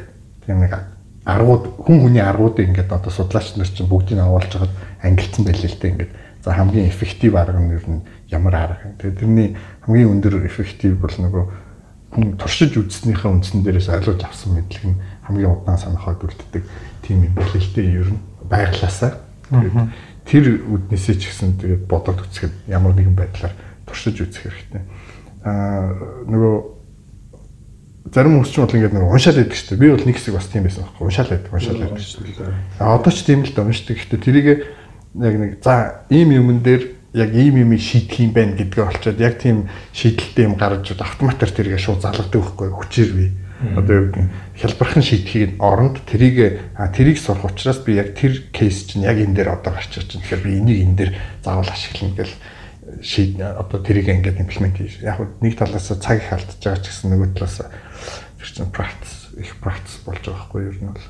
Тэгээд яг мэдээж оролдоод яваад ирэхээр аянда тодорхой юм чи ингээд клик хийгдээд эхэлнэ те. Тэгж байгаа л одоо бүр нөгөө философийн шин чанар руу ороод тэгээ нөгөө сурч явах өөрийнхөө нэг арга барилыг буцааж анзаардаг болол одоо жишээ би ер нь зөв сураад байна уу буруу сураад байна уу гэл одоо нөгөө 12 арга байдаг гэдэг мэддэг шалтгаан одоо мэддэг болсон шалтгаан болох юм баггүй. Ер нь би энэ юм руу аппроч хийж байгаа аргачлал нэг өөрөө өөрийгөө нөгөө анализ хийж эхэлж байгаа гэсэн үг шүү дээ. Ер нь бол тэгээд тиймэрхүү ингээд цаашаа цаашаа ингээд хөгжөөд ирэхээр Тэгээд тэр чинь яваад одоо бүр нэг тарих судал модал руу явна шүү дээ одоо.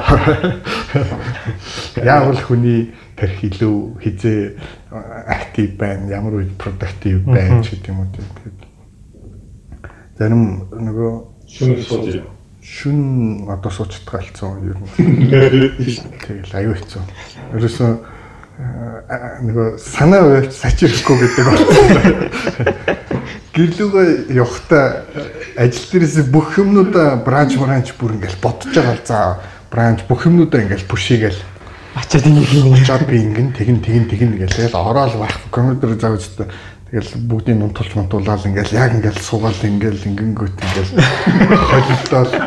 Тэгэл нойрондоо ицсэн код гэдэг чинь уусаа би лав тэгдэг яг ингээл нөгөө нойр үрж явах үед ингээд юм бодоод эхлэхээр дор хаяж нэг 3-аас 5 дахин те 3-аас 4 дахин ч юм уу юм удаашралтай бодоод эхэлдэг. Тэгээд нэг бодож ирсэн юм ингээд тэгэндээ гэж байгаа. Тэгээд хөөе би чинь юу түрүү юу гэж бодож илаа гэж дахин дахин буцаал ингээд те яг тэр тэрний орон зүгээр шууд хаагаал унтцсан хамаагүй шулуухан байгаа байхгүй. Тэгээ өөрөө тэгж нэг зовоо.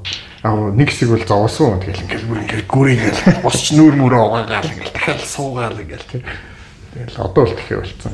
Ерөнхийдөө тэгэл оройч угаасаа суугч заавч байхгүй л даа. Тэгэл ар гэр хөхт мөх юм бол Тэр чинь бол Бас залуу. өндөр аслаа гэдэг. тий тэгээд ерөөсөө унт унт нь ч гэж ер нь баг мэддүү шахав тэгэл шүн сугаал. Би чинь нэг удаа юу вэ?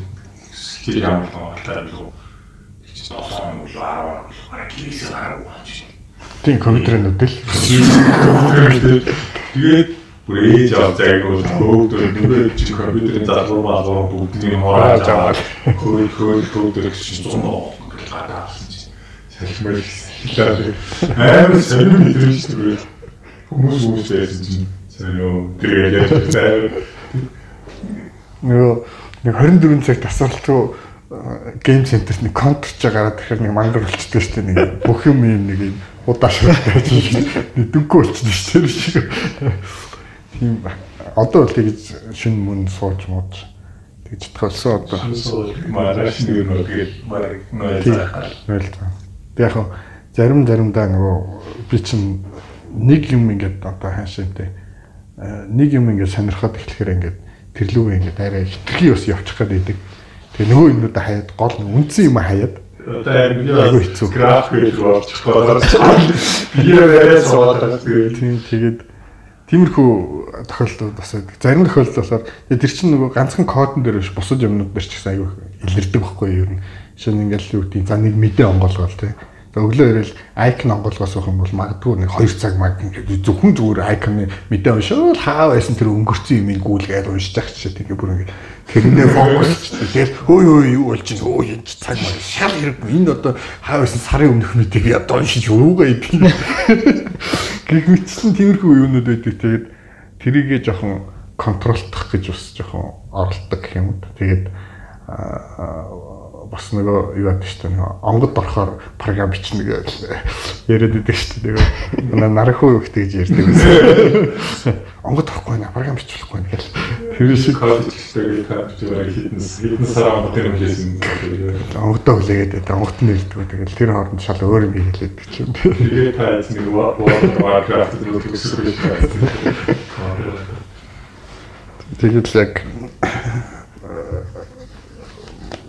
тэр тоглолт монгол бич юусаа бас л тийм л нэг тоглоом руу ороод тэгээд гэл нөгөө үнцэн юм хаяа тэрлүүгөө ингээд явчихар чинь толгой тэрлүүгөө майндсет тийм болчихж байгаа хгүй. Тэнгүү тоглоом дээр яаж н тоглоом дээр баатраа илүү болох вэ? Яавал би нөгөө программын логик critical thinking чинь тэн дээр ажиллаад эхэлж байгаа. Тэн дээр ажиллаа шал өөр аа ингүүл ингүүл өстой гэл план гаргаа шал өөр юм хийцэн.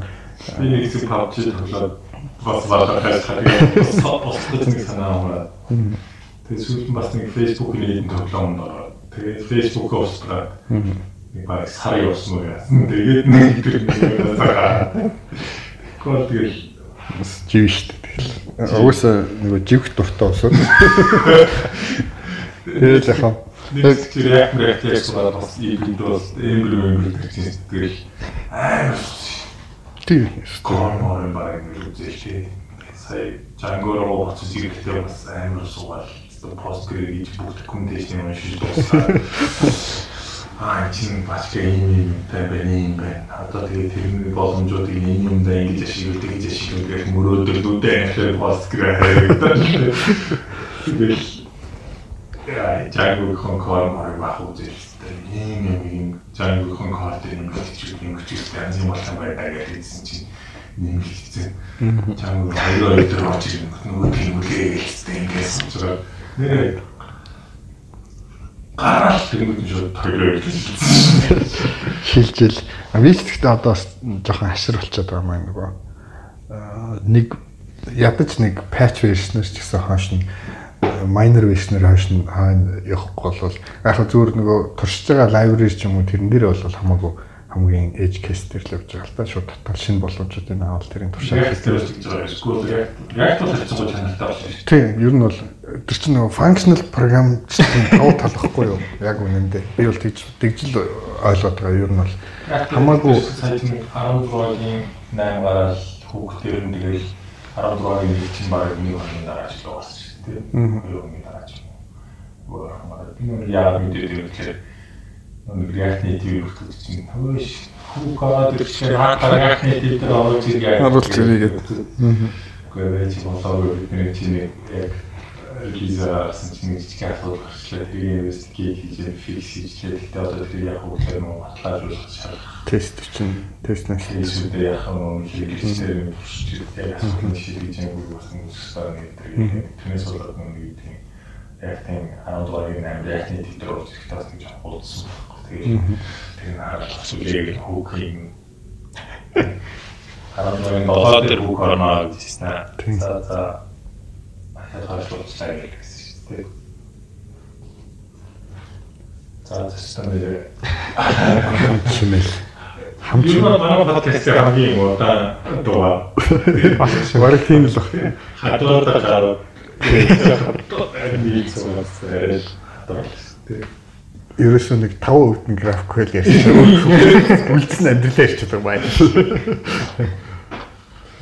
Тэгээд яг одоо бол харьцангуй бас нөгөө залуучууд бас их сонирхож байгаа шиг шүү дээ. Ер нь React хандлагч гэдэг юм уу React React гэж бас их нэлээ яваад тах шиг шүү дээ. Одоо тэгж санагдаад байгаа. бас нэг яг уу бидний явж исэн замтай яг л адилхан байгаа байхгүй чинь тэгээ нэг react гэдэг юм аа яг Тийм ер нь анх яаж ойлгож ирсэн гэдэгтэй адилхан тийм. Тийм л аа.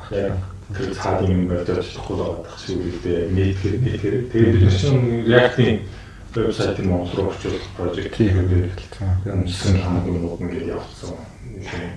Одоо нөө наагаш гэж нэг рекламаас баг react-ний react JS all over Монгол юм чи шиг. Санагдаа. Тийм тэр чинь тэгэл яхаа бас том алхамжтай ер нь бол манай юунууд ерөнхийдөө яг зөвхөн Монгол манайхны өөрсдийн менталитеттэй бас холбоотой юм байна. Ер нь яг нөгөө одоо хүмүүжлээс ч юм уу одоо яг яг өсөж байгаа процесс бас холбоотойгоор ерөнхийдөө нөгөө жоохон бүрэг улсууд нөгөө асуумаар байгаад байдаг чинь асуудаг. Тэгээд за за асуух юм бол угаасаа нэг тийм юм асуучин ч гэдэг юм уу. Эсвэл бол за за энэ дээр нэг юм бичиж бичсэн чинь буруу болчихвол яах юм гэдэг ч юм уу. Тэгээд тэр үднээсээ нэг одоо request-үүд нь ер нь баг ирдгүй юм шиг санагдав. Яг ялангуяа open source project-үүд ихээр нэг тоотой 3 4 улсууд л нөгөө ингээл нөгөө бульдозертал толгой болол зүтгээд байдаг.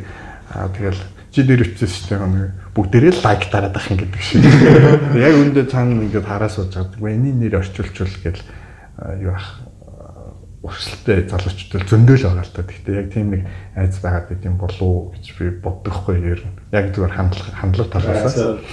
Тэгээд давсан та зүгээр Яг тэр чинь шууд л хэвээр байхгүй ер нь тул нүүр тулхал хэвээр байхгүй.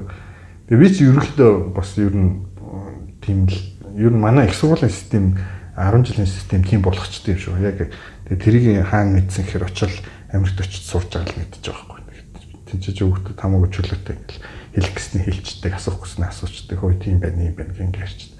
Би болохоор чинь за дээрэс нь э, системтэй ч холбоотой natural өөрийнх нь behavior ч байна тий.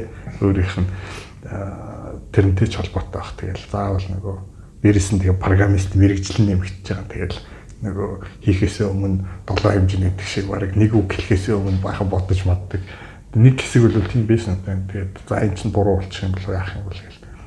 Тэгэл яг тэр чинь нөгөө хүн заавал ямар нэг алхам хийгээл оролдоод үзэх хэрэгтэй. Тэгэнгүүт тэр чинь давах юу ингээл гараад ирчин. Би нөө анх бас яг тэгдэг байсан байхгүй. Аа кодууд дээр ажиллаад китабаас юмнууд аваад ингэнгүүт багийг гаргаад ирчдэг. Тэгэнгүүтээ багийн pull request хийх гэхээр нэ ингээд хийдгүүд өөр дээрээ ингээл зүгээр колон форктж аваад тэрийг засаад тэрийг өөрөө ашиглаад ингээд явцдаг. Энийг юу н цааш нь pull request дээр яагаад явуулж болдгоо. Уул нь явуулчвал уул нь ингээд засагч чинь гэдгийг мэдээд байгаа байхгүй. Тэгэл яг нөгөө зүрхлэхгүй Тэгэл за тэгэл за тэгэл буруу болоо. Өөдөөс бах юм асуучвал яах юм. Нөгөөт нь одоо мэдхгүй тэгээ балруул яах юм гэдэг ч юм тийм айцтай ингээл яваадсан гэсэн үг байхгүй. Нэг хэсэг. Тэгээ байж байгаа нөгөө PHP дээр ажиллаж байсан нөгөө доктрин гэдэг орон байдаг шүү дээ. Тэгээ доктрин дээр нөгөө жижиг баг гараад гэхдээ доктрин дээр суулсан нэг плагин байсан юм аа. Нэг модтой ажилладаг плагин. Тэгээ тэр плагин дээр явжсэн би өөрөө тэрийг ашиглаад ингээ хийж байгаа даалдаг нэг баг олчихгүй. Тэнгүүтээ тэрийгээс өө өстө шууд нөгөө ер нь pull request явуулна яадаг ингээл. Амар нөгөөдхөө бичиж мичээл pull request явуулсан чинь өө маргааш нэг нөхөр өстө доор нь нөгөө кодын стайлуудаа засж байна. Энд ягаад эндэнтэй авцсан байна. Энд нь таслал ягаад тавихгүй байна. Энд нь доор нь мөр ав ч гэдэг юм ингээд бид нар чи өөртөө засахгүй ингээд бичээд байгаа байхгүй.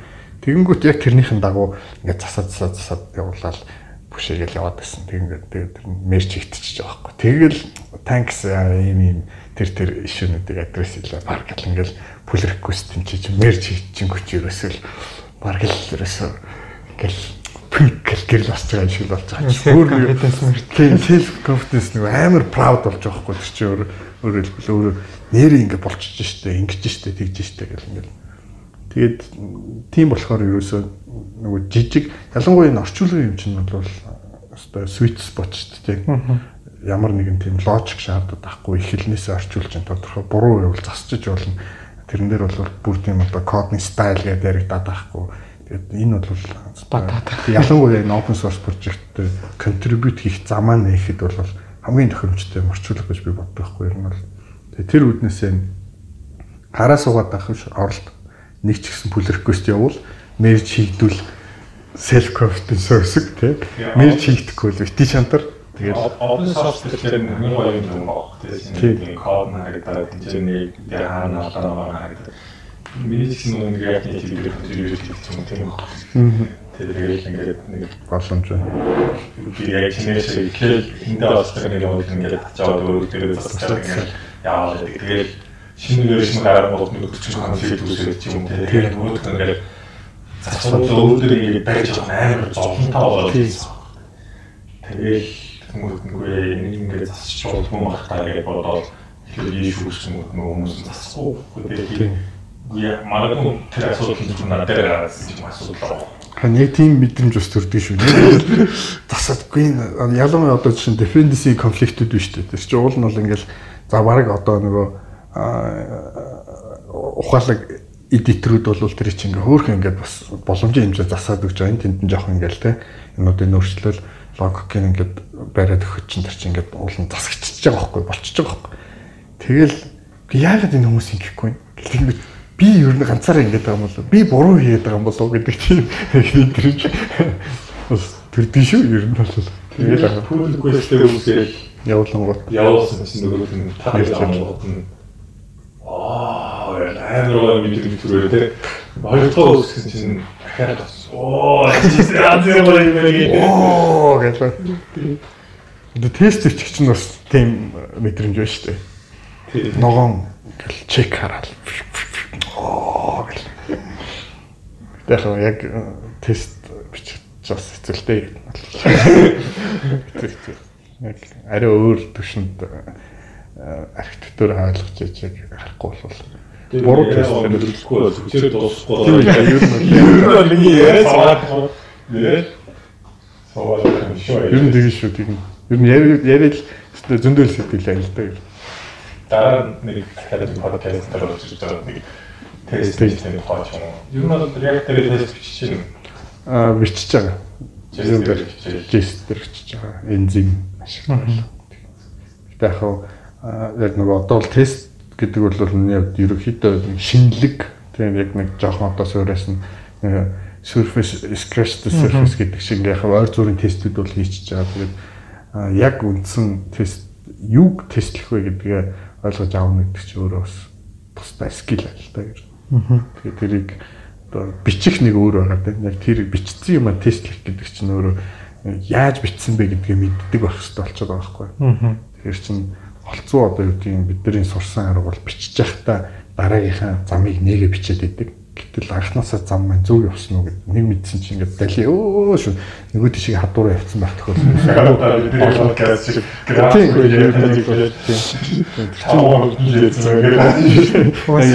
Яг тест хийж яхад л мэдэгдсэн байл л. Тэр чинь ингээд бид нэр ингээд нэг компанид чичил нөгөөх ингээд тест гэл явжсэн чи яалч бол. Гэхдээ энийг юу яагаад ингэ хийчих юм бол ах юм бодож байгаа. Тэгээ ингэ хийж ингэ хийчих юм бол тест гэдэг амархан болоод тэгээ дараа нь бус газраас ажил зүгээр л байсан юм биш тэгээд өө гэл тэгэл дахиад буцаал нөгөө нэг байгаа.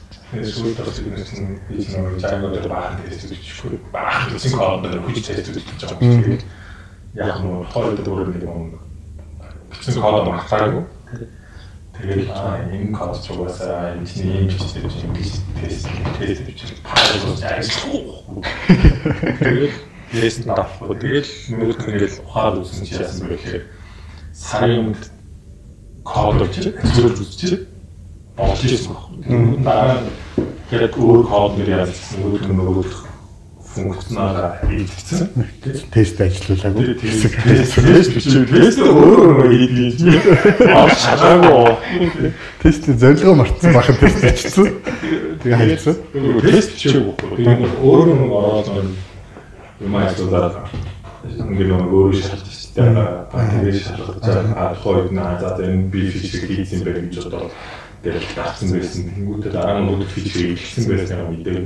Тэр дараа нь тест яг бичээл а нөгөө тэр коч бол ангиж ажиллах байна. Аюу шууд цэжэр бодоод тест ажиллах ажиллахгүй. Тэгмэд яагаад би ингэж бодоод бичсэн. Тэгтээ сарын яг миний бодсноор ажилласан юм одоо ажиллаж байгаа юм гэсэн чинь. Тэгсэн баг. Тэгээд тэрнээс хойш үгээр бас Тест Сүүлд яг нэг рест юм бол рест чигээр нэг хамгийн чухал юм юм юу юм яа. Баг тест дата оруулаад тэр нэг хүсэлт явуулаад заагаад яг нэг жисэн яг бэр юу юм шалгаж чадчих юм доо бас тэр бол аюул чухал.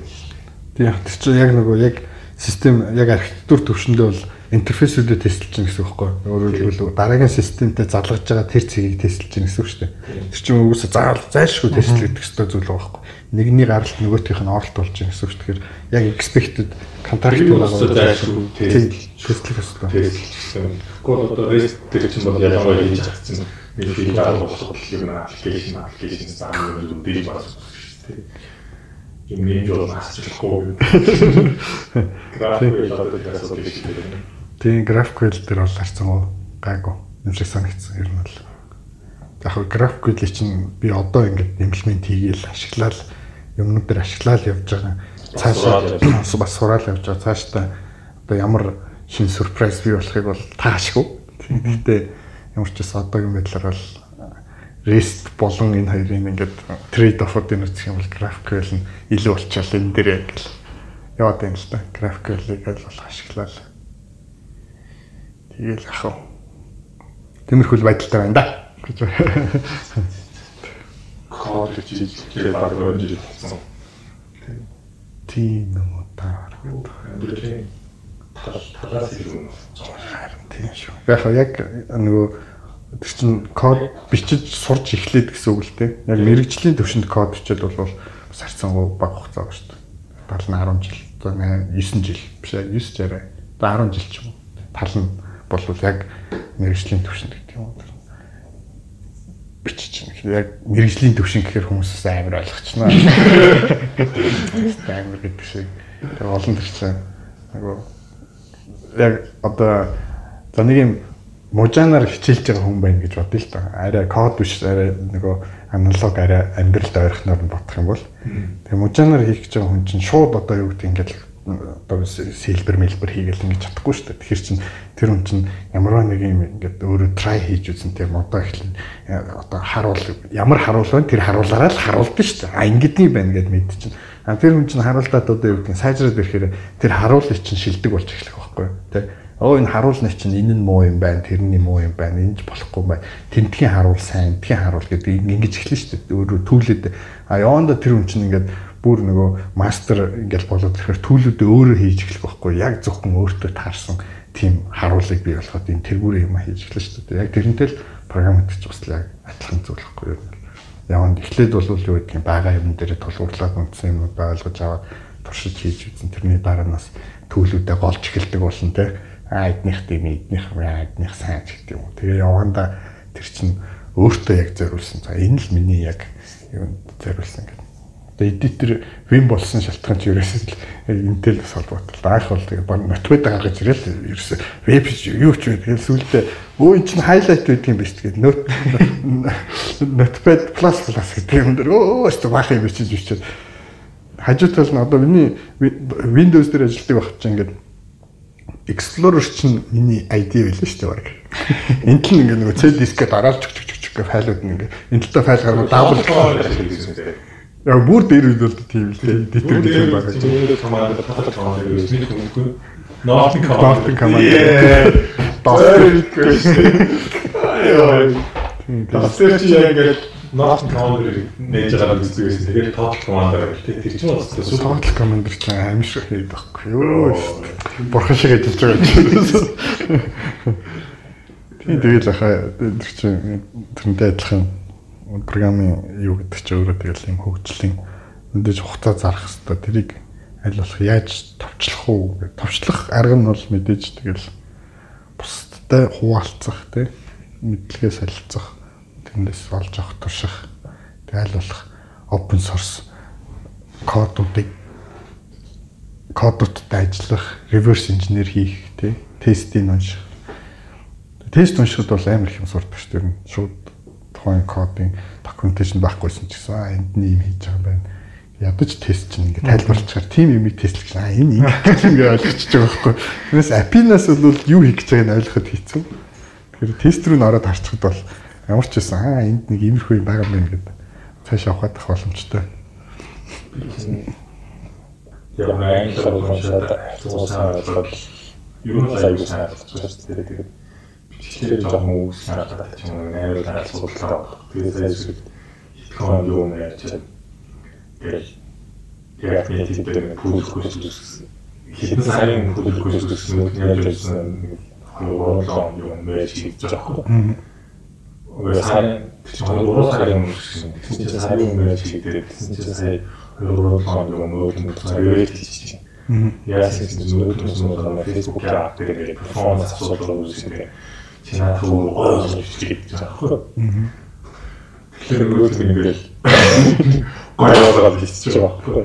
Амьдаа тэгээд чинь үгүй хаасан ерөөсөө Facebook дээр ингээд бэлсгүүнд бол аюул ч тийм наад ингээд нэг копи хийж авах гэдэг нь 10 секунд болдог. Тэгээд наад чинь ингээд болохгүй. Жохон болохгүй. Хараад жохон ингээд cancel Аа зовлон бол performance дээр асуудал байхгүй юм яаж байгаа. Нөгөө үг гэж байгаа. Наад гэх юм. Нэрийг докторийн бичиж шүү дээ. Яваад. Тэр докторийн бичиж. Тайлбар. Оо яг хийж аваад гэрээ кодоо ингээд бичээд гэрээ. Тэнгүүд нь яг суугаад ингээд аа аа тэгээд суугаад ингээд энэ цаг суугаад тэгээд тэгээд кодоо хийж болоод тэгээд сайжруулаад авах юм үү. Тэгээд бас докторийн бичиж устгаал дахиж нэг бичээл. Хэсэг явжсэн бол хараа. Үгүй яагаад дөрөв алдаа юм. Энэ чинь юу л гэжчих вэ? Ийз гэж яагаад тэ. Энэ нь уншаад байгаа чи юу гэж. Хүмүүст ингэ туулаад тэ. Тэр мэж хийсэн дүүнээ. Харин open source алгатаа ерөөдөө самаах уу тэр чинь react technology орчуулга дээр бол чинь алгатаа юм. Зөндөл. Зөндөө Нэшээ байх шиг. Гэтэ хамгийн хийсэн болсон гэдэг нэг амар хэсэг юм хүн уншаа. Алгатаа байгаа юм хаслаа.